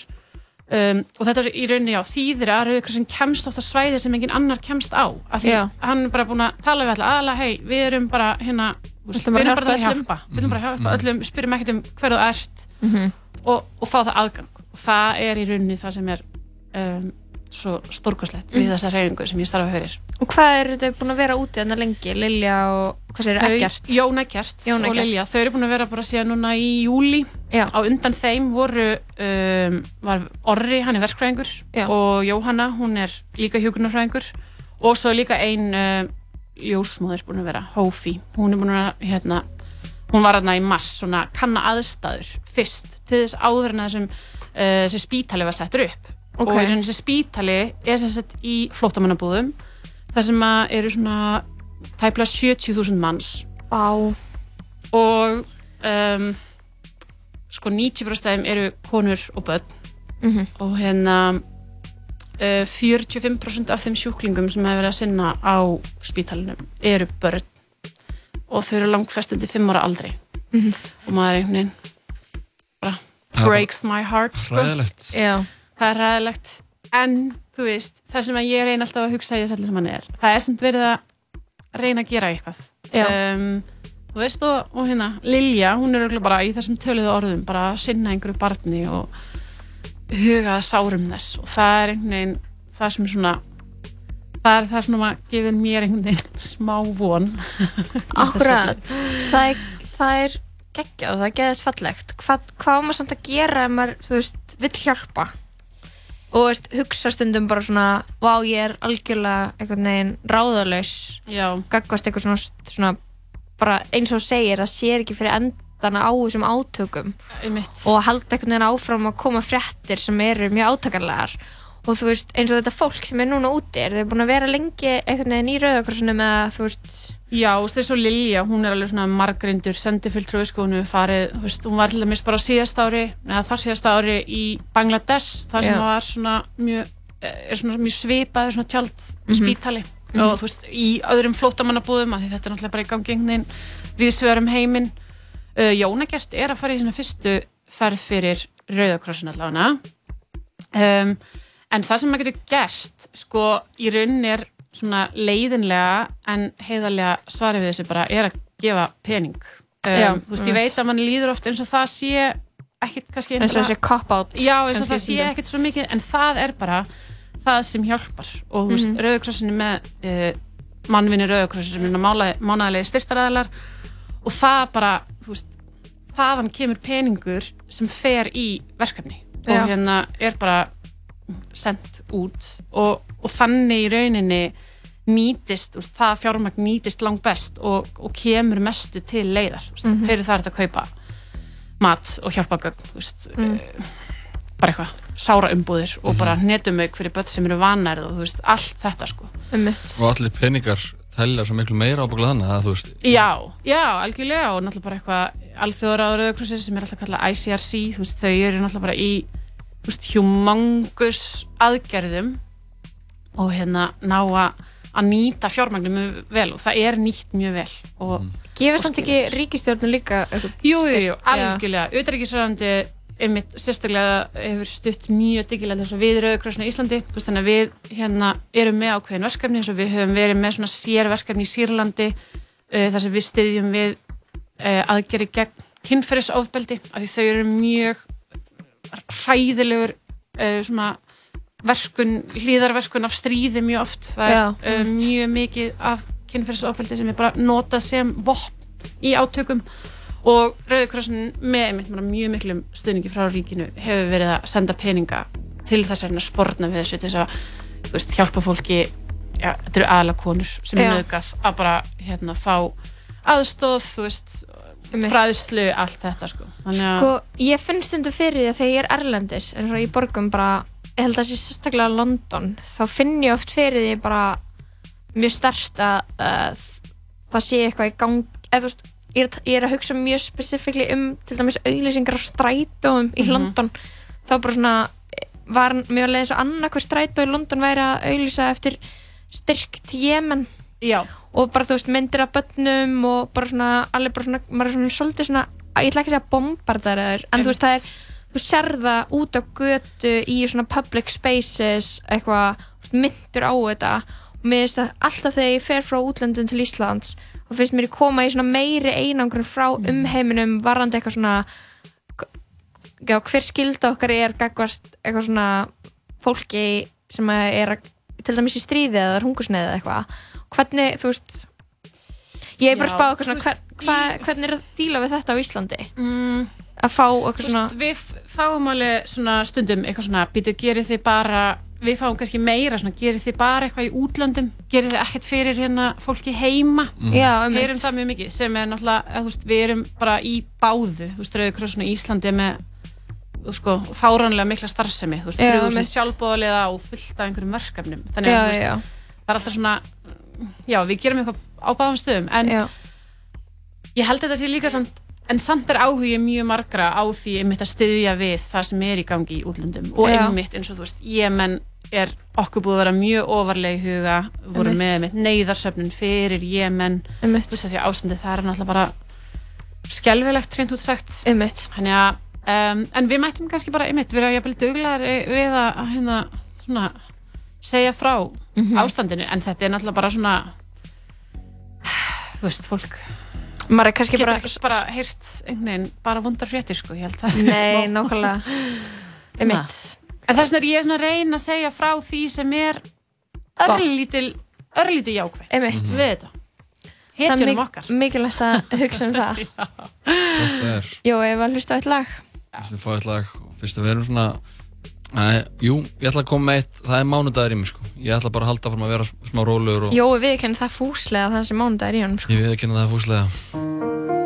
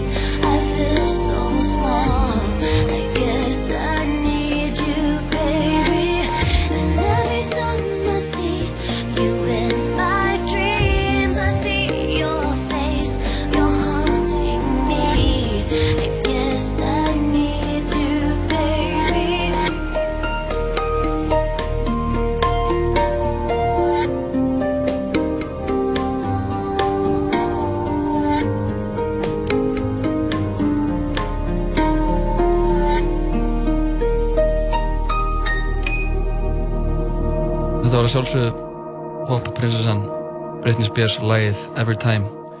Við erum að spjalla við Brynildi Bolladóttur upplýsingafulltrú á Rauðakrossins um eh, starfsemi Rauðakrossins og hvað er, eh, já bara, svona, þið bjarta og þið, þið dimma.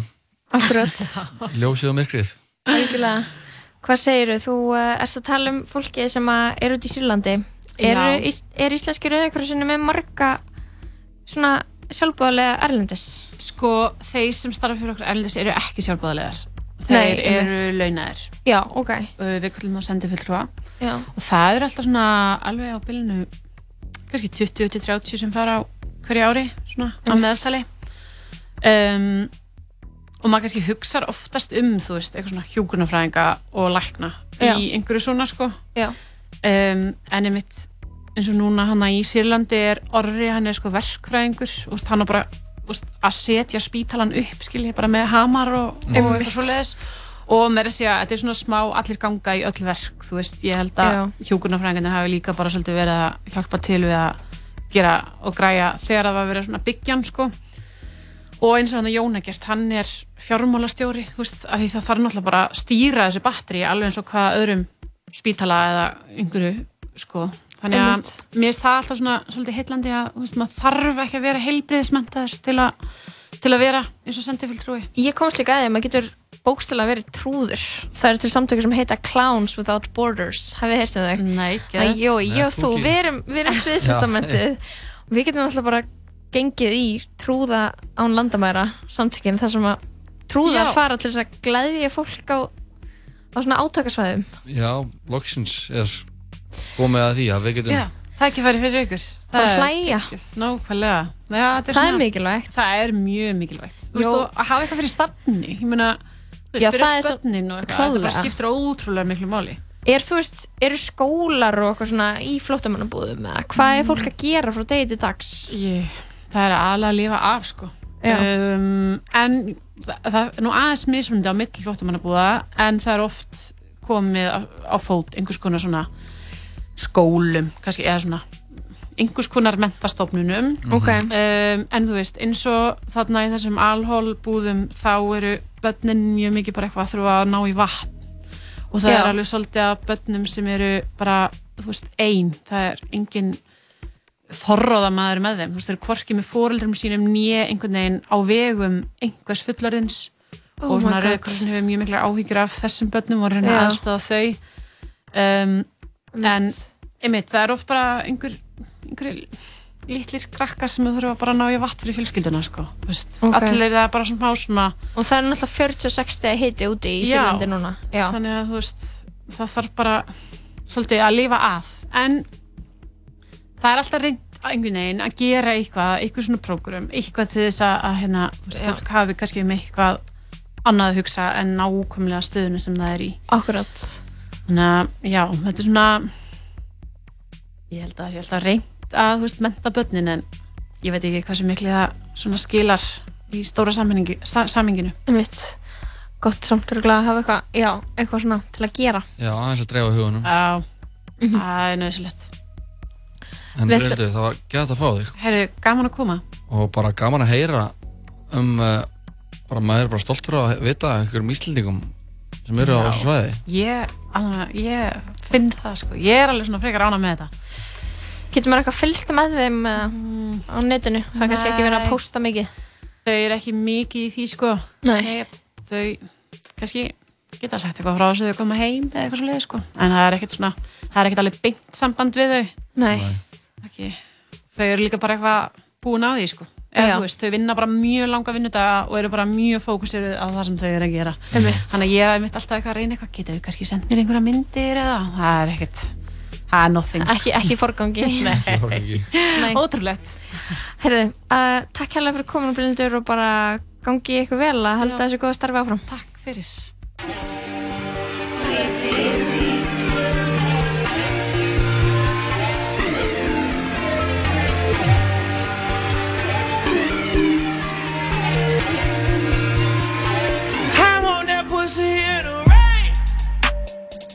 I'ma make sure lil' mama feel it. Every eyeball that look at me, she wanna kill it. We make love, and it had to like heal it. I don't wanna buy your love, I wanna build it. Build that bitch up from the ground, never won't turn that bitch down. Yeah, you know that the dick ain't no clown, you know that they make you make sounds. Yeah, I fuck that bitch good, I don't tease her. Nigga, that why she not leaving. And you know that I smoke on that kush, no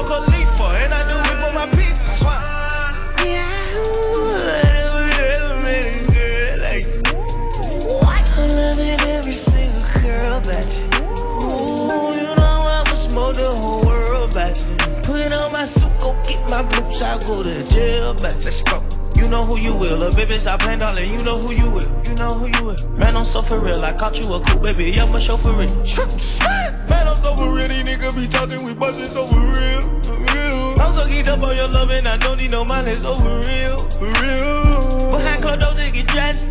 Pussy way I don't work red. Yeah, I am the truth, so don't ask me. Yeah, I shoot up in they plastic. Yeah, I only call him mama, baby, when you say daddy.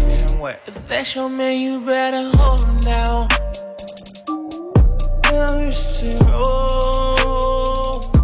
She held my little back, she was with it. And she was popular way before me. Now that I'm popular, I'ma still be the homie. I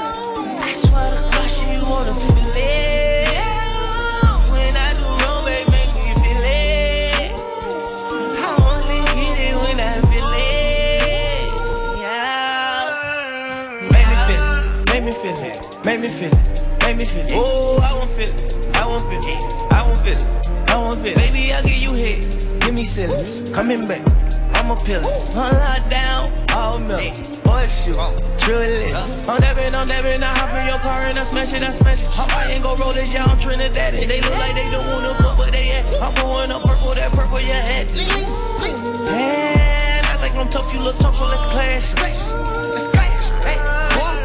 Hey, boy, ready. I'm going steady. I fuck with Keisha, not the one from Belly. I wanna fuck ain't no tough, and that's it. I want that cat like a leopard. Let's go to Germany, no ship. She don't need no hand, I'm a help. Cheap bird to keep her, so I kill her. Watch me tell her. That's your man, you better hold him down. Now you see, oh, she held my little back, she was with it. And she was popular way before. Now that I'm popular, I'ma still be the homie. I swear to God, she wanna feel it. When I do wrong, babe, make me feel it. I only get it when I feel it.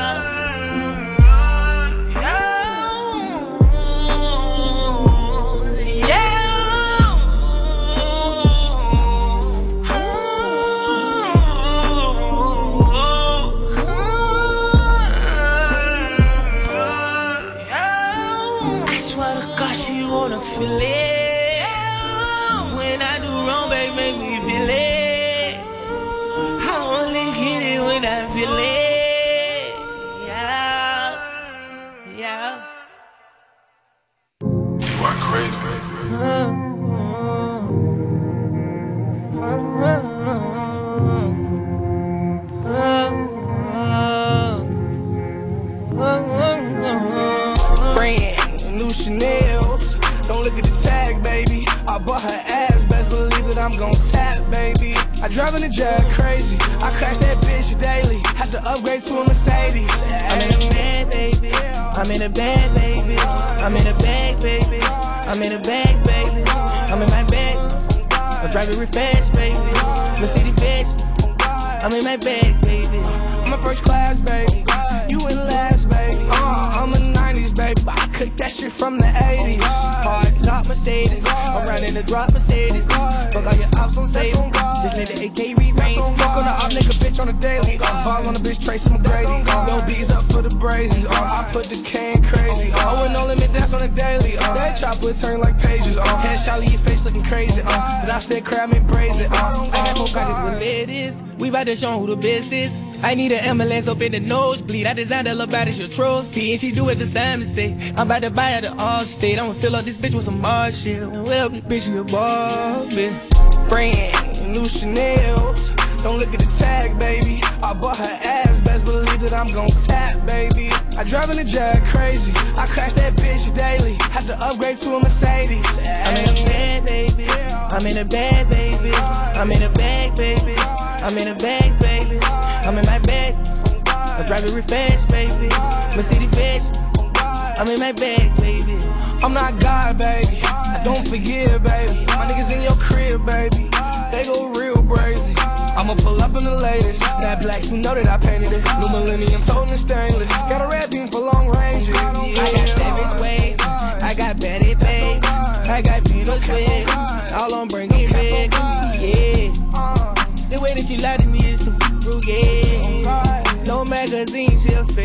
Away. I'm in Japan with the Asian persuade.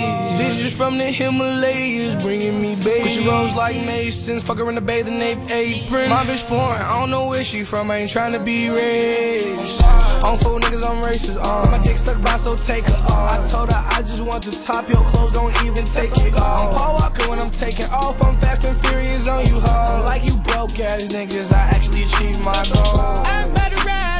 I had a name in my tats. I'm too lit up to ever disguise. I get fed up by running rides. Yeah, I got to drive. I done pulled a pen to the side. Got four claws with my child. I got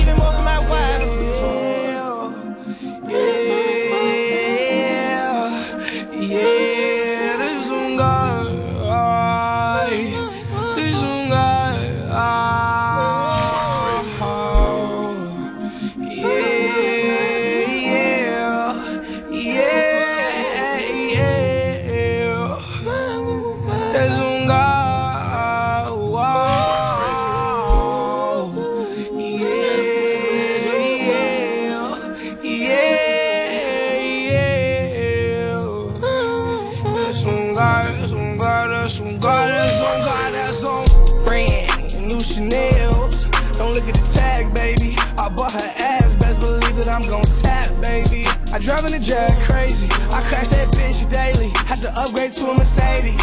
I'm in a bag, baby. I'm in a bag, baby. I'm in a bag, baby. I'm in a bag, baby. I'm in my bag. I drive it real fast, baby. Mercedes Benz. I'm in my bag, baby.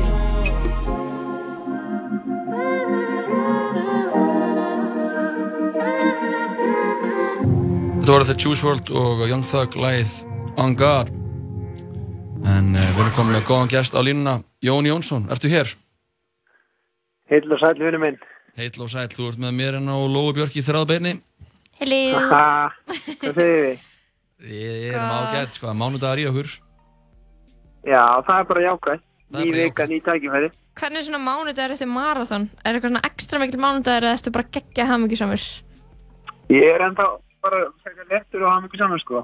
Ég er, ég er aðeins lengur niður tröppurnar í húsinu, en annars er ég bara... Ok. Til hamingi með árangurinn í marathonu núna um helgina, þú lendir í fymta sæti. Er, er það ekki rétt sem mér að það? Mjög meðan Íslendingana, jú. Það er samt geggjaður árangur. Ég, ég vissi til að mynda ekki að þú verið hlaupari. Ertu hlaupari eða? Eða þú veist, þú ert að auðvitað. Ég var það ekki fyrir þessi hljóp. Meinar þú hafi bara mætt í marathonu og, og hlupið? nei, ég er og... búin að æfa mig, ég er búin að æfa mig, æfa mig, en ég var ekki, ég var aldrei búin að vera að keppa neitt. Hvað ertu, uh, hvað ertu búin að æfa þig lengi? Síðan í april, Og bara okkur stífi prógram eða? já, Arnar Pétursson, sem að rústa þessu hlaupi, Mm. hann var að senda mér prógram sko og bara að segja mig hvað ég ætti að gera og bara hann, hann í rauninu er búin að vera að forrita mig Ok, ertu búin að vera, þú veist, er þetta eitthvað svona heildrænt prógram þar sem það er eitthvað svona mataræði og allt í því eða bara hlaup? Mm, Nei, Bara hlaup? bara hlaup Já, Ok, bara geggjað. fimm aðingar í viku bara feskur Hvernig var, bjóstu við svona góðum árangri eða? Hvernig var bara að hlaupa eitthvað 50 í mark? um, Það var bara geggi tilfinning bara að það það er aðalega klár, eh, þetta og ná markmiðin að vera undir þremu tímum og allt það sko síðan var hitt bara algjör plús sko Ég fyrir að þú hefði sprett í mark. Já, ég hérna, ég fekk hérna krampa bara rétt á hörpunni og ég var bara, nei, er þetta að fara að klúðrast núna, bara nokkur meitrar eftir. Og hérna, sá nokkra fara fram úr mér og var svona, þetta gengur ekki. Og svona, er svona, keirið í gang, sé hérna auðun og, og guðrúnu í soundchecki eh, á hérna, stóra sviðin og þau bara áfram! Og ég bara, áfram! Eru þið bara að segja Og það í bara mækin, fó- bara áfram á stóru Það þú sviðinu? veist, liggum við og þau sáum mig bara Johnny, áfram! og ég bara fekk auka power og, og tók eh, hérna lokaspett og náði að taka fram úr hérna nokkrum og hérna Það er svo ég held að það krúsal. tryggt mér þetta fintarsæti sko. Það er svo krúsal að fá svona auka kick. Var Það, eitthvað... ég sko, ég ætla að segja ykkur að krakkar þetta er crazy dót að upplifa bara að fólk sé úti að standa og peppa Já. Það er við þurfum að taka þetta með inn í lífið sko. pepp er Já. þetta er bara eitthvað sterkast af vott sko, bara í heimi á jákvæðan átt sko. Mhm. bara að gefa klappa baki og svona, þetta er bara ótrúlegt þetta er bara, maður ge- getur verið svona bara, já, já, nú er tankurinn búinn og bara eitt bara, áfram já, ok Ég segi Ég þetta við Jóa hverjum degi, sko, bara áfram Jói! Bara það mætir í vinnuna. Hvað, na, hvað var eitthvað sem beigðin á, þú veist, á, hvað segir maður, marki í markinu? Var eitthvað, var var eitthvað svona, eitthvað glæðningu fyrir eða bara peppi og það nóg? Já, semst, eiginkonu mín var bara í slopp Nei, djók En að, ég er að djóka eh, Sko, það sem degin var náttúrulega strax hérna á 50 kíl, eða 70 kílometr þá, ég á heima á Lindabraut og við laupu Lindabraut og það var geggja morgunparti hérna hjá, sko þegar maður hafði kona mér á búin að plana og þú veist, það var bara öll fjölskyldin og allir bara áfram! Og þú veist, það var bara maður fóð með það alveg inn í marga, marga kílometra, sko. Ok, Um, geggjað. einn af mínum betri vinum er að skrifa fyrir hlaup.is þannig að þegar ég kem í mark þá er Heimir Snær Guðmundsson bara þar bara. Ég bara faðm, ég hef aldrei faðma neitt nema bara börnum mín og kona og mamma og pappa svona innilega sko. Mhm. að ég maður hafa einhvern veginn og hann sjálfur bara þú ert, þú ert svo rugglaður ég viss á gætir það eitthvað. Og ég veit það bara eitthvað styrla moment sko en Er það að hlaupa Svo- vímann eða sem að nær Já, manna? al, algjör, algjör maður, alveg, hún er góð sko. Mhm. og það er líka svo gaman að eigða svo mörgum kalaríum og fara síðan bara eitthvað og þá er eitthvað gett mikið að snikka eins og eitthvað rugglega maður fyrir aftan skilu, maður bara eitthvað ég ætla bara með snickers eitthvað, skýður engu máli. Og hérna týnist bara einhver staðar að mínu líka manna Já. Einmitt. En hvernig var Um, svona já. hausinn, þú veist, af því að maður hefur heyrt að það sé, það sé svona nokkrir veggir, þú ert að hlaupa svona marathon Mhm. og, og na, hvað er svona, þú veist, náttúrulega ert einn okkar peppaðasti maður, sko, Hvern, hvað er, fer gerum hausinn á JJ þegar, þegar veggurinn mætir honum? það er náttúrulega, það er besta æfingin í öllu sko, það er þessi hausæfing sko Já. og það er, það er bara að hugsa bara að vera þakkláttur fyrir allt og alla í kringum hann og síðan bara, veist hérna, hugsa eitthvað þetta er ógslag fínt, þú veist, hérna bara í Íslandi að hlaupa og bara þú var pínu lítið eftir maður búið með svona mikið og með það áttu svo pínu lítið eftir, sko. Þú veist, þú veist bara að fara heim í mark pælti því hvað býðin þegar þú kemur í mark þetta verður geggjað Mhm. þú veist, maður er bara einhverju svona, þú veist, maður er aldrei eitthvað, ó, mér líður svo illa aftan í, hérna, lærinu, eða, ó, þú veist, þú, þú bara leifir því ekki að koma inn, sko. Nei, það er bara pepperoni Og veistla. þetta er alltaf, þetta er algjör, algjör, þetta er bara, þú veist, þú leifir aldrei, þú segir aldrei neitt sem byrjar á nei eða eitthvað svolítið, það er alltaf bara já, sko. Má ég spyrja einum, því ég hef aldrei hlaupið svona langt. Ég held ég hafi potið aldrei hlaupið, þú veist, lengra heldur en kannski 2,5 kilometra eða eitthvað, Mm. eða þrjá eða eitthvað, skilur mjög lítið. Og, Mhm. og þú veist, hvað er maður að hugsa, veist, á okkur svona kilometra, þú veist, 30 og eitthvað. Þú þú verður náttúrulega bara að geða eitthvað frið til þess að vera bara svona inn í haustum að þér. Þú veist, er það ekki? Og hva, hvernig hugsanir fara í gegnum hausin á manni? Þú veist, ertu bara að hugsa um allt eða ertu bara áfram með, veist, þennan fót og svo þennan fót bara, þú veist, í ykkur Þú, huglislu? já, þú veist svona, þú veist, bara, já, fókusa bara líka á markmið, skilur við, þú veist, mm maður er kannski svolítið að reikna í hausnum líka, þú veist, ok, ef ég held þessum hraða hérna, þú veist, næði þessu, skilur við, Já.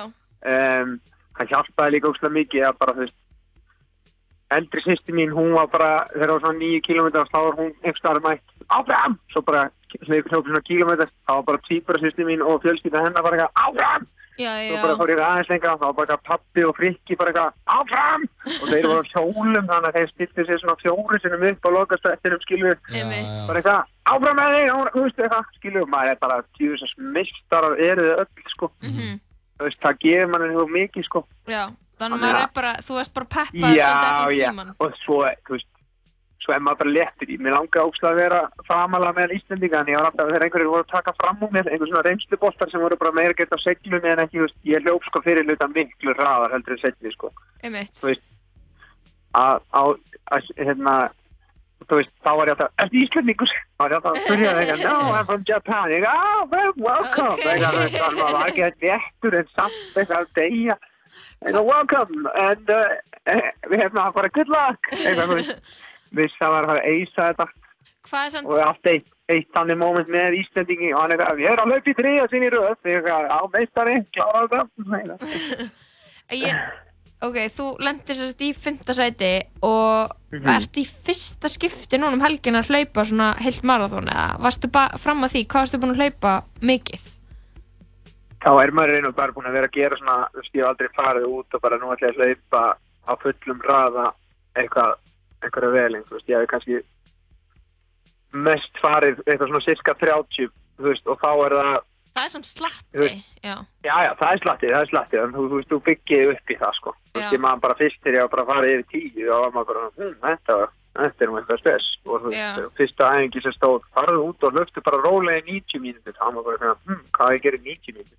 Veist, það er heitt fótboltaleikur, sko. þá er maður allavega að elta mann og bolta og takla og hoppa og eitthvað Einmitt, nákvæmlega. en svo einhvern veginn bara kemst þetta inn í kjærfið á manni einhvern veginn og, og er bara svolítið næs.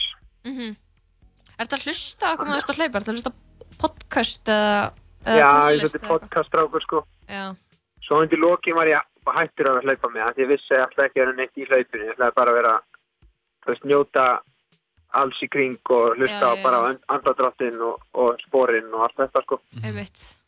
þannig að Hvað- hvaða það er podcast líka JJ svolítið hugaleikur mig líka, það er skemmtilegt Hvaða podcast er JJ að hlusta á þannig að hlaupa? Podcast, já, ég er náttúrulega, þið veit að ég er bara ógeðslega einfaldur fótbollastrákur, sko, þannig að, veist, ég er bara að hlusta á, þú veist, og... hérna, Snorra Björns og, og hérna, Dr. Fútbol, sko, þú veist, og millivegin. Þetta er ekki er flókið. Það er þetta er ekki flókið, sko, sko. Þá er ég bara fýtt, sko, og þetta er einmitt, ég hlusta bara eitthvað svona, já, bara gaman og pepp, eitthvað, ég er ekkert eitthvað að fara of djúft í eitthvað, what you have to do to live your life is to, eitthvað, eitthvað svona, það er ekkert eitthvað, maður er ekkert eitthvað að endurstokka öll spilin, sko, þetta er meira bara einhver léttleiki, sko, Já, bara halda Það gangandi frábært. maður stokka aðeins og, og leggja í kabal og... alveg bara svo smá, skilur, það ég, það er gaman að heyra þetta með peppið sko, því ég var að keira inn skólagötuna þegar ég sá fólk sem var greinilega að klára marathón og ég Já. fór eitthvað að garga út og gluggan bara áfram og ég fekk bara Já. engin sviðbreyður fólkinu, fólk var bara svona, en ég var bara, þau getur ekki að pæli mér núna, ég bara, ég hugsaði bara, vá, ég hugsaði fyrst, vá, því finnst ég að bara óþólandi, en það er Nei. kannski fínt að heyra að, að það, að svona lítil það bara gerir ógeðslega mikið. orð geta gert Þau kannski ekki með orku til þess að þú veist peppa þið tilbaka fyrir peppið, skilur. Þau eru kannski bara, þá væri ok. okay. þá væri smá fastlega, það er að þakka hverjum og einu, Það takk, takk Jói, Takk Mér dagsinn. finnst að það eigi bara að skilda sko. Já, ég er þetta, já, þú ert það eftir að skilta. Þeir bæta Alveg rétt. mínút á ef þú peppaði ekki. Já, já, já. Herri Johnny Boy, takk fyrir að heyra í okkur Og eh, Það er gott. miklu frekar. Miklu frekar, nei miklu frekar Bara, já, og bara allir, allir að, hérna, nota þetta sem, hérna, motivation, að gera eitthvað sem, að, eitthvað sem er smá öðrandi, klálega. þetta þarf ekkert að vera flóki, sko. Þetta er bara, að, hérna, setja sér smá markmið og standa við það, þú veist. Mm. Það er ógeðslega gaman. Það er alveg steikt að við erum stöður í útilegu og eitthvað, já, eitthvað, það er að fara að hlaupa, þú veist. En svo eftir að maður bara er allir bara, jú, þetta meika þetta fullkom mikið sens, eitthvað. Já, Já, nákvæmlega. Þannig að, do your thing, brothers and sisters. þú ert fyrir minn Jenny Herri, miklu frekar. Kærleikur og alla. Segja það bye Jó. All right, bro. Bye, bye. All right, ladies. Bye. Þá Jóni Jónsson fáum eitt lag Runnin með The Farsight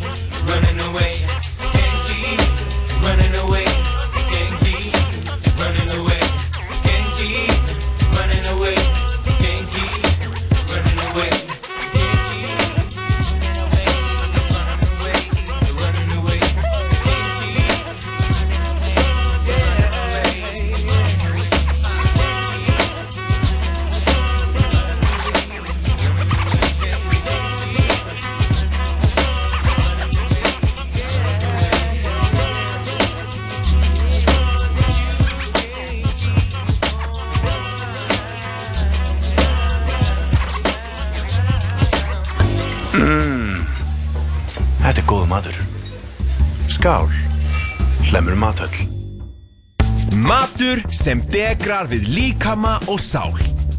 Serrano. Fresh. Happy. Max. Ok, ok, ok. Slökum á. Hei, hei, hei. Það er Fila, Champion, Nike og Vans. Nýja sendingar í hverju viku. Urban. Kringlunni. Tala saman, alla virkadaga, millir fjögur og sex. Í bóði Dominos og Once Upon a Time in Hollywood. Komin í bíó. Útvarp 101 Já, kæri lusandi, við vorum að klára á lægið The Runnin' með hljómsveitinni The Farside af plötunni Lab Cab in California frá árunni 1995 í tilvæmlega því að við vorum að spjalla á Jón Jónsson sem Já. Eh, kom 50 í mark Býtu, Jón er ekki bara söngvari komið þér sælar Komið þér hann sælar. er líka hlaupari núna hann var í 15. seti af öllum íslendingum sem tóku þátt í Reykjavíkumarathoninu um Já. helgina og knattspyrnu maður. Já, og, viðskiptafræðingur. besti skemmtikraftur Já, ég held að það sé viðskiptafræðingur. Rántum er að Nei, hann lærði í ba. BU, Boston. University. Akkurat í uh, vöggu siðmenningarinnar eins og Boston, Boston Boston. The Cradle of Liberty. Er það, málið Já. það? Ég veit ekki alveg hvort ég get tekið undir það. Nei, þetta, er bara kölluð eins og. New York er stóra eplið Stóra eplið og hann hvað er LA? City of Angels. Er málið? Já og, Philadelphia er the city of brotherly love. Já. Ég kann ekki fleiri svona Nei. heldur en með þessa The staði Cradle of Liberty Boston. En Boston, ok, æðislegt. Uh, Af öllum þessu stöðum þá er Philadelphia uppáldið mitt sko. Já, Bróðurlega ást. Bróðulega ást. Veistu hvað nýja veifið er á þessum mánudegi fyrir þessa viku? Nýja veif tala saman. Hvað er það? Það er að hoppa í podla Uh, já, ok Þetta flög Mm. þetta, Mér flög þetta í hug á göngum minn í Reykjavík áðan Mhm. og ég hugsaði bara, vá, það verður valla hjá því komist Að að stíga í- í poll hérna út, ef maður bregður sér út úr húsi Mhm. í þessu veðri Mhm. af hverju ekki bara hafa kaman að því og hoppa í hann já, bara skvett á sig mæta blöytu til vinnu, mæta blöytur heim úr vinnu Já, bara er- með strax skárra. polla vatn á sér öllum Það er strax skára að hoppa í poll á leiðinni frá vinnu heldur Heldur en til já. Veistu hvað, ég lendur svolítið mikið í því Jói, að bílar keira fram hjá mér og það skvettist pollavatni yfir mig Já, svona svo Carrie Bradshaw, ég er Bradshaw Carrie Bradshaw í introna Sex and the City Já. það er hver einstu dagur hjá mér basically eða regning þá er ég að lappa með frá einhverju göngugötu ég er kannski að borða samloku Mhm. og pollavatni skvettist yfir mig og núna er bara komin tími á bara payback. Núna ætla ég bara sjálfa að hoppa í skvetta og skvetta á- bíla. og skvetta á því sjálfa nei á bílana. Þeir myndi ekki takast í því, þeim væri alveg sama. Ok, ég ætla að skvetta á þá sem keira bílana en eru að lappa út úr bílinu sínum á leðinni er alltaf ég að vera að hoppa í pollana. Mér finnst meika fullkomlega sens að þú sért að lappa einhvers staðar og komi bíl og skvetti yfir þig og bleiti og saman það er alltaf að gerast maður. Það meika sens og sem kemur ekki að með hárið blöytt bara á skrifstofu og bara já. Pollablöytt, það er einhver Pollablautt. sérstök tegund af bleitu og hún er viðbjöður, það er pollableita og í pollinum var notaður smokkur. Akkur þarfstu alltaf að fara inn á þetta svæði, Jói? Ef ég nýta því bara Hver er að eitthvað- ríða út á götu. Nei, eitthvað Get your head out of the gutter. Bara eitthvað, verið- Er það ógeðslega sem þetta er í hugin nota smokkur? Ég var að hugsa, æla, til að lík hafa á, á hausnum að þér uh, Það skvettist ekki bara lík og lengur á hausnum að þér og þú lappa með það inn á skrifstofu Ok, það væri, onni í pollinu væri æla og það myndi fara Það var yfir menninganót, það var æla í pollinum Já. og Lóa var að ganga til vinnu og það skvettist ælu pollavatn yfir hana æla og Jesus Christ uh, þannig að myndina sem Mel Gibson á DFD og Ok. þetta myndi festast í, á hausnum að þér Jói, alveg nýja veifið en alltaf bara að byrja í skólanum Það er það Það er fyrsta vika skólans núna. Ég er búin að setja saman topp 5 bestu hlutina til að gera, ekki bestu, ok, ég ætla að endur þetta. Topp, nei, ok, ég sagði aftur topp. 5 hlutir til þess að að gera sem er algjörst must þegar þú byrjar í skólanum aftur. Ok, Og þetta ég, er fyrir hlustundur mína sem er að hefja skóla önnuna sína núna. ég er fálega mikið til hérna lista Að það? Ég er það Þú ert ekki að fara að byrja í skóla og þegar þú byrjar í skóla þá ertu chaos king Ég er það og, og önnin hefst á því að þú reynir að og þú mætir í villis tíma í villis stofur í, Þetta er alveg í, rétt að það miðað, ekki? Og þú mætir eitthvað staðar og byrjar að vera að byrja hvar á ég að vera? Sendir message á alla vinnina hvað er tímin í dag? Svona skólaár að hefist hjá Jóhanni Kristoffer en þetta er ekki svona skólaár sem og ég ég, bóða og ég byrja daginn minn á að sko fara inn í skólatöskuna mína og bara finna að geða mig einhverju rustleir, einhverjum krumpum blöðum. Eitthvað drast frá því fyrra. Já, og svona eitthvað nesti sem glemdist eina svona, eina jógúrt sem var verið í töskunum banani sem búin að skemma töskuna. Allt sem ég verða að segja þér þessu það voru, ég var hann í að byrja í spænsku hundrað fyrstu önnu minni ú, espanjól sí, sí, sí, mujer eh, nei, mu, uh, niña, stelpa senjóra uh, senjórita senjórita, anyways. Uh, það er bara einn af fyrstu, fyrstu kjölslusundunum í spænsku hundrað í MH já, og uh, fólk er bara eitthvað að taka upp bækurna sínar. Já. Þú þarf líka, bara- á fyrsta ári eða? Já, fyrsta ári. Mundos Nuevos kannski eða, nei. Uh, uh, sí. Og ég man ekki alveg hvað kennslubók það var. Ok, það er alltaf það sem ég kent í MR Já. Ok, En það sem var verra var þar sem einn nefnandinn tók upp á töskunni sinni. Það var svona Döðrotta. Tupperware box. Með rottu? Uh, Nei, það var tómt. Ok, en það hafði verið fullt þegar mannskinn hafði la lagt að stað í skólan af fiskisúpu. Sem var komin ofan í svo mikið töskuna. king að mæta með fiskisúpu í Já, skólan í boxi og bara og fiskisúpa fer út um allt. Og það, og það, það, það litar námsörðið bara allt skólaörðið að því að einhverjar af bókunum eru að fara að ánga fiskisúpu allavega næstu svona tvo á, mánuðina. Ég tengi svo mikið við þetta, Jói. Þetta er hitting me so hard Þessi saga? Ég er með tár á Já. hvarmi, sko. Eitt tára kvarmi oh, Fiskisúpa í fucking Mundarsson og Evos og allar skólabækuna einar ónýtar. Ónýtar, ok, ég er með lista. Já. Og þetta er byggt smá svona á minni eigin reynsli Ég hef náttúrulega notið gríðarlega velgengni í skólakerfinu. Mm Alltaf útskrifast með, útskrifast með topp einhvernir Topp umsagnir. Er það? Er það að kaltæði núna? Skiptir ekki máli. Þú ert Þetta að er, vera kaltæði nei. Ég hef alveg útskrifast Þetta er bara stundum fínar einhvernir Alltaf góðar umsagnir. Þú fengir Alltaf áttur getið með go- gott orðspors uh, innan þeirra skóla sem ég hef verið í. Mhm. Svon, svona sirka einhvern veginn Ok, við skulum ekki staldra of lengi við þetta. Ok, nummer eitt, anda kennarinn þínum á Facebook. What can go wrong? Þetta er svo gott move. Mm. Þú ert að byrja í skólanum. Þetta er svo mikið big dick energy. Þú ert bara, já blessa þér Og svo bara fimm minútum eftir að tíminn klárast Þá er hann komið friend request frá þér. Já Og senda bara sælir. Sæ, Komið þér sæla Já, sælir. Takk fyrir tíman Það var geggjaði tími Sanda sér hennar grein sem að relatar við námsefnið. Já. Er þetta myndið mig á Ti- New York Times grein sem ég var að fletta í gegnum? Herru, ég er með geggja Business Insider grein Já. sem, sem snertir á því sem þú varst að ræða í tíman mann bara bomba þessa kennaran Og kennan er bara Ég var að kenna þér landafræði. Já. Það sem þú Akkur mynda ekki. hníf og segir Týndir þú þessum Ándjór, sprella eitthvað í kennaranum Ég hef þarna, bara góða reynslaði að spilla við kennaran utan skóla. Mér hefur alltaf fundist það mjög gaman. Já, þetta Þetta er geggjulega líka Ég ætla ekki að segja að maður sé að vera eitthvað kennar að sleika en maður er að mynda tengsl sem verður mikilvæg sko. Ok.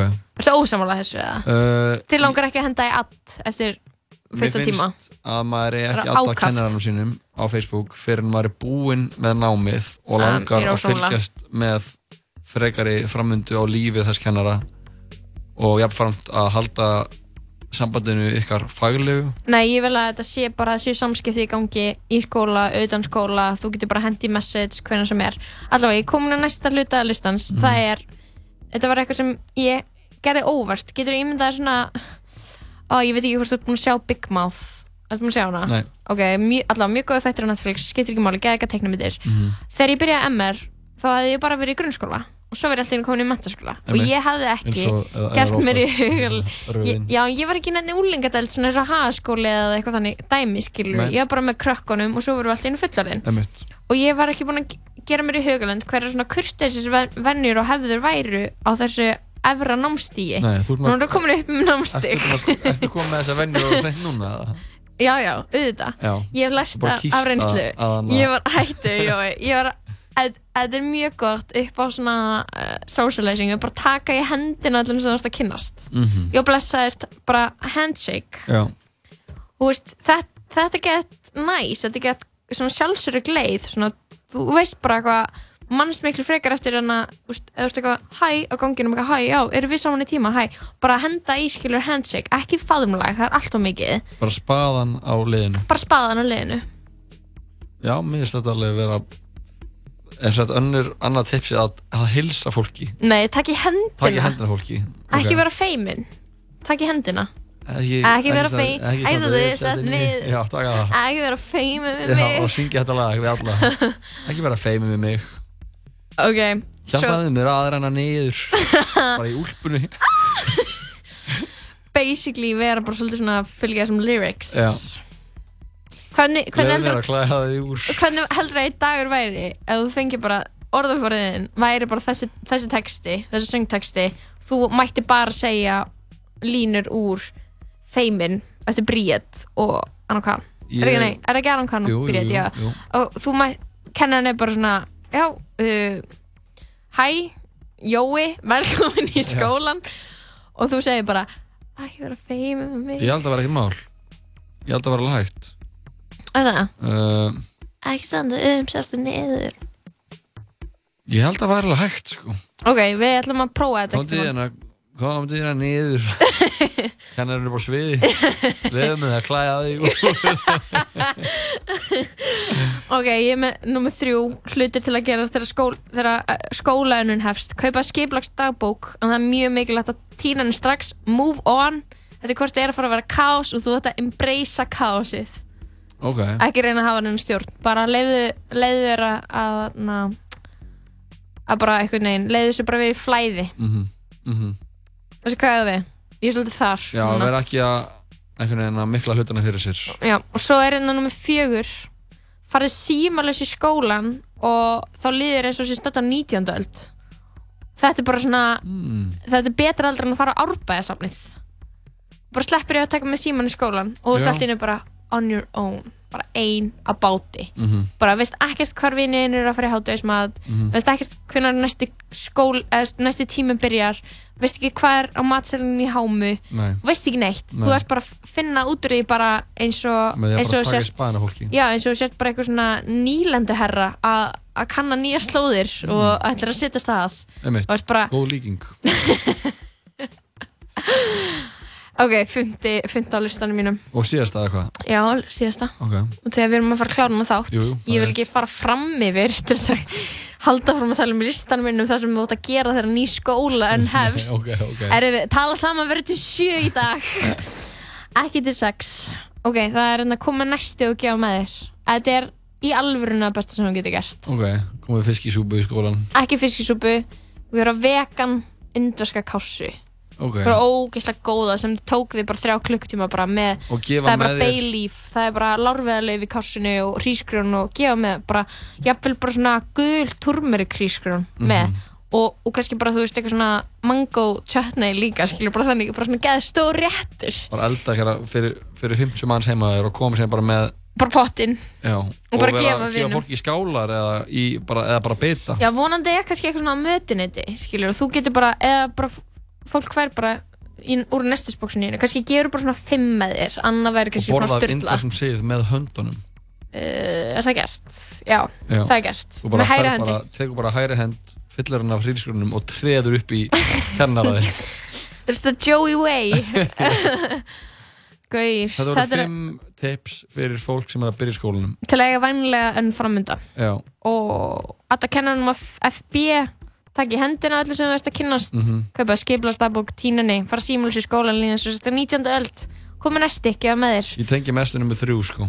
kaupa skiplastabbók, já, ég veit það. Ég var hef líka svo margar stílabækur heima sem er eitthvað svona, hm, hvað, er, hvað? er hérna? Opna og það er bara svona, Veistu hm, hvað þú ert búin að gera á fyrstu síðan á stílabók, á öllum stílabókunum, þú ert búin að tegna hann svona S-ið, þannig að þrýhyrninga S-ið, þú ert búin að henda einu þannig Nei, inn í tíma og þú ert búin að henda einu svona, já, einu svona þrýhyrninga graf S-ið, hvað er þetta S? Þetta er bara, Þetta er bara S-ið. Þetta er Legendary S. Þetta er Nei, Legendary það sem S. ég gerir er að glósa gett vel fyrstu vikuna og síðan, Að fyrstu vikuna, fyrsta tíman, sorry, neða það er ekki kent í fyrsta tímanum. ok, Fyrstu tvo tímana glósaði mjög vel Já. og síðan kemur svona eitt og eitt og síðan er hún bara tóm. Að það er Já. alltaf bara tómar ég veit það, stílabækunum mínar. og þegar svo er bara, við erum bara búin að gefast upp, en ég, við vitum að í þessari viku þá er bara svona metnaður, Já. ræta, Þetta er kannski frekar metnaðinn, sko. tips til að eiga góða fyrstu viku í skólanum. Já, og þess að fyrir önnin bara eitthvað hakk. Já. Herru, við erum að kveðja tala saman í dag. Þetta er búið að vera mjög skemmtileg þáttur, búin að fá uh, fólk úr ólíkum áttum. Jú, jú. Manneskju stúdendaræði, hann að Jónu Þórey, hún er að, þau, hún, þau öll eru að, að búa til allsæri verkfalls. Já. Uh, hefst 20. september. Já. Og það er, það er að vera að fylgja fordómina Greti Thunberg. Sem er að sigla yfir hafið núna. Já, í vindi og við bara vonum allt, innan bara 7.13 gangi eins vel og hefur gengið. Já, já. Hún, það er eitthvað Við vonum að vera ekki sem tekin vak... af sjóræningjum. Já, það er eitthvað verndarengill sem, engil sem vaki vonandi yfir henni og svo var hún Brynildur Bolladóttir hérna hjá okkur, hún er upplýsingafulltrúi Rauðakrossins, hún hendi í gott update og fallega fréttir af uh, uh, Sýrlandi. Já. Það eru tveir íslendingar stættir, Jón Eggert og Nei, Lilja... ekki, það voru alveg fjórir eða fimm. Nei, tveir. Tveir, já, það hafa þrýr aðrir áður verið. Og svo varum við að tala um Jón Jónsson sem lendi í fymta sæti af Íslandingum uh, í Reykjavík marathoninu Íslandsbanka hlaupinu Já, sem fengum við tips frá Lóu.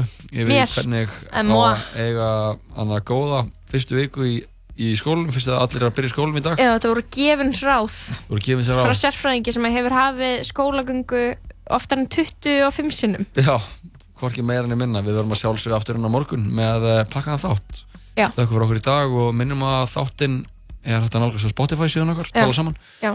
og uh, já, og Jó er þetta nálgast í holræsi. Já, ég ætla að fara út núna og leggjast í ræsiðin á Körskötunni þannig að þið viljið koma og skvetta vatnið um mig þá veit ég hvar mér er að finna. Takk fyrir okkur, kiss kiss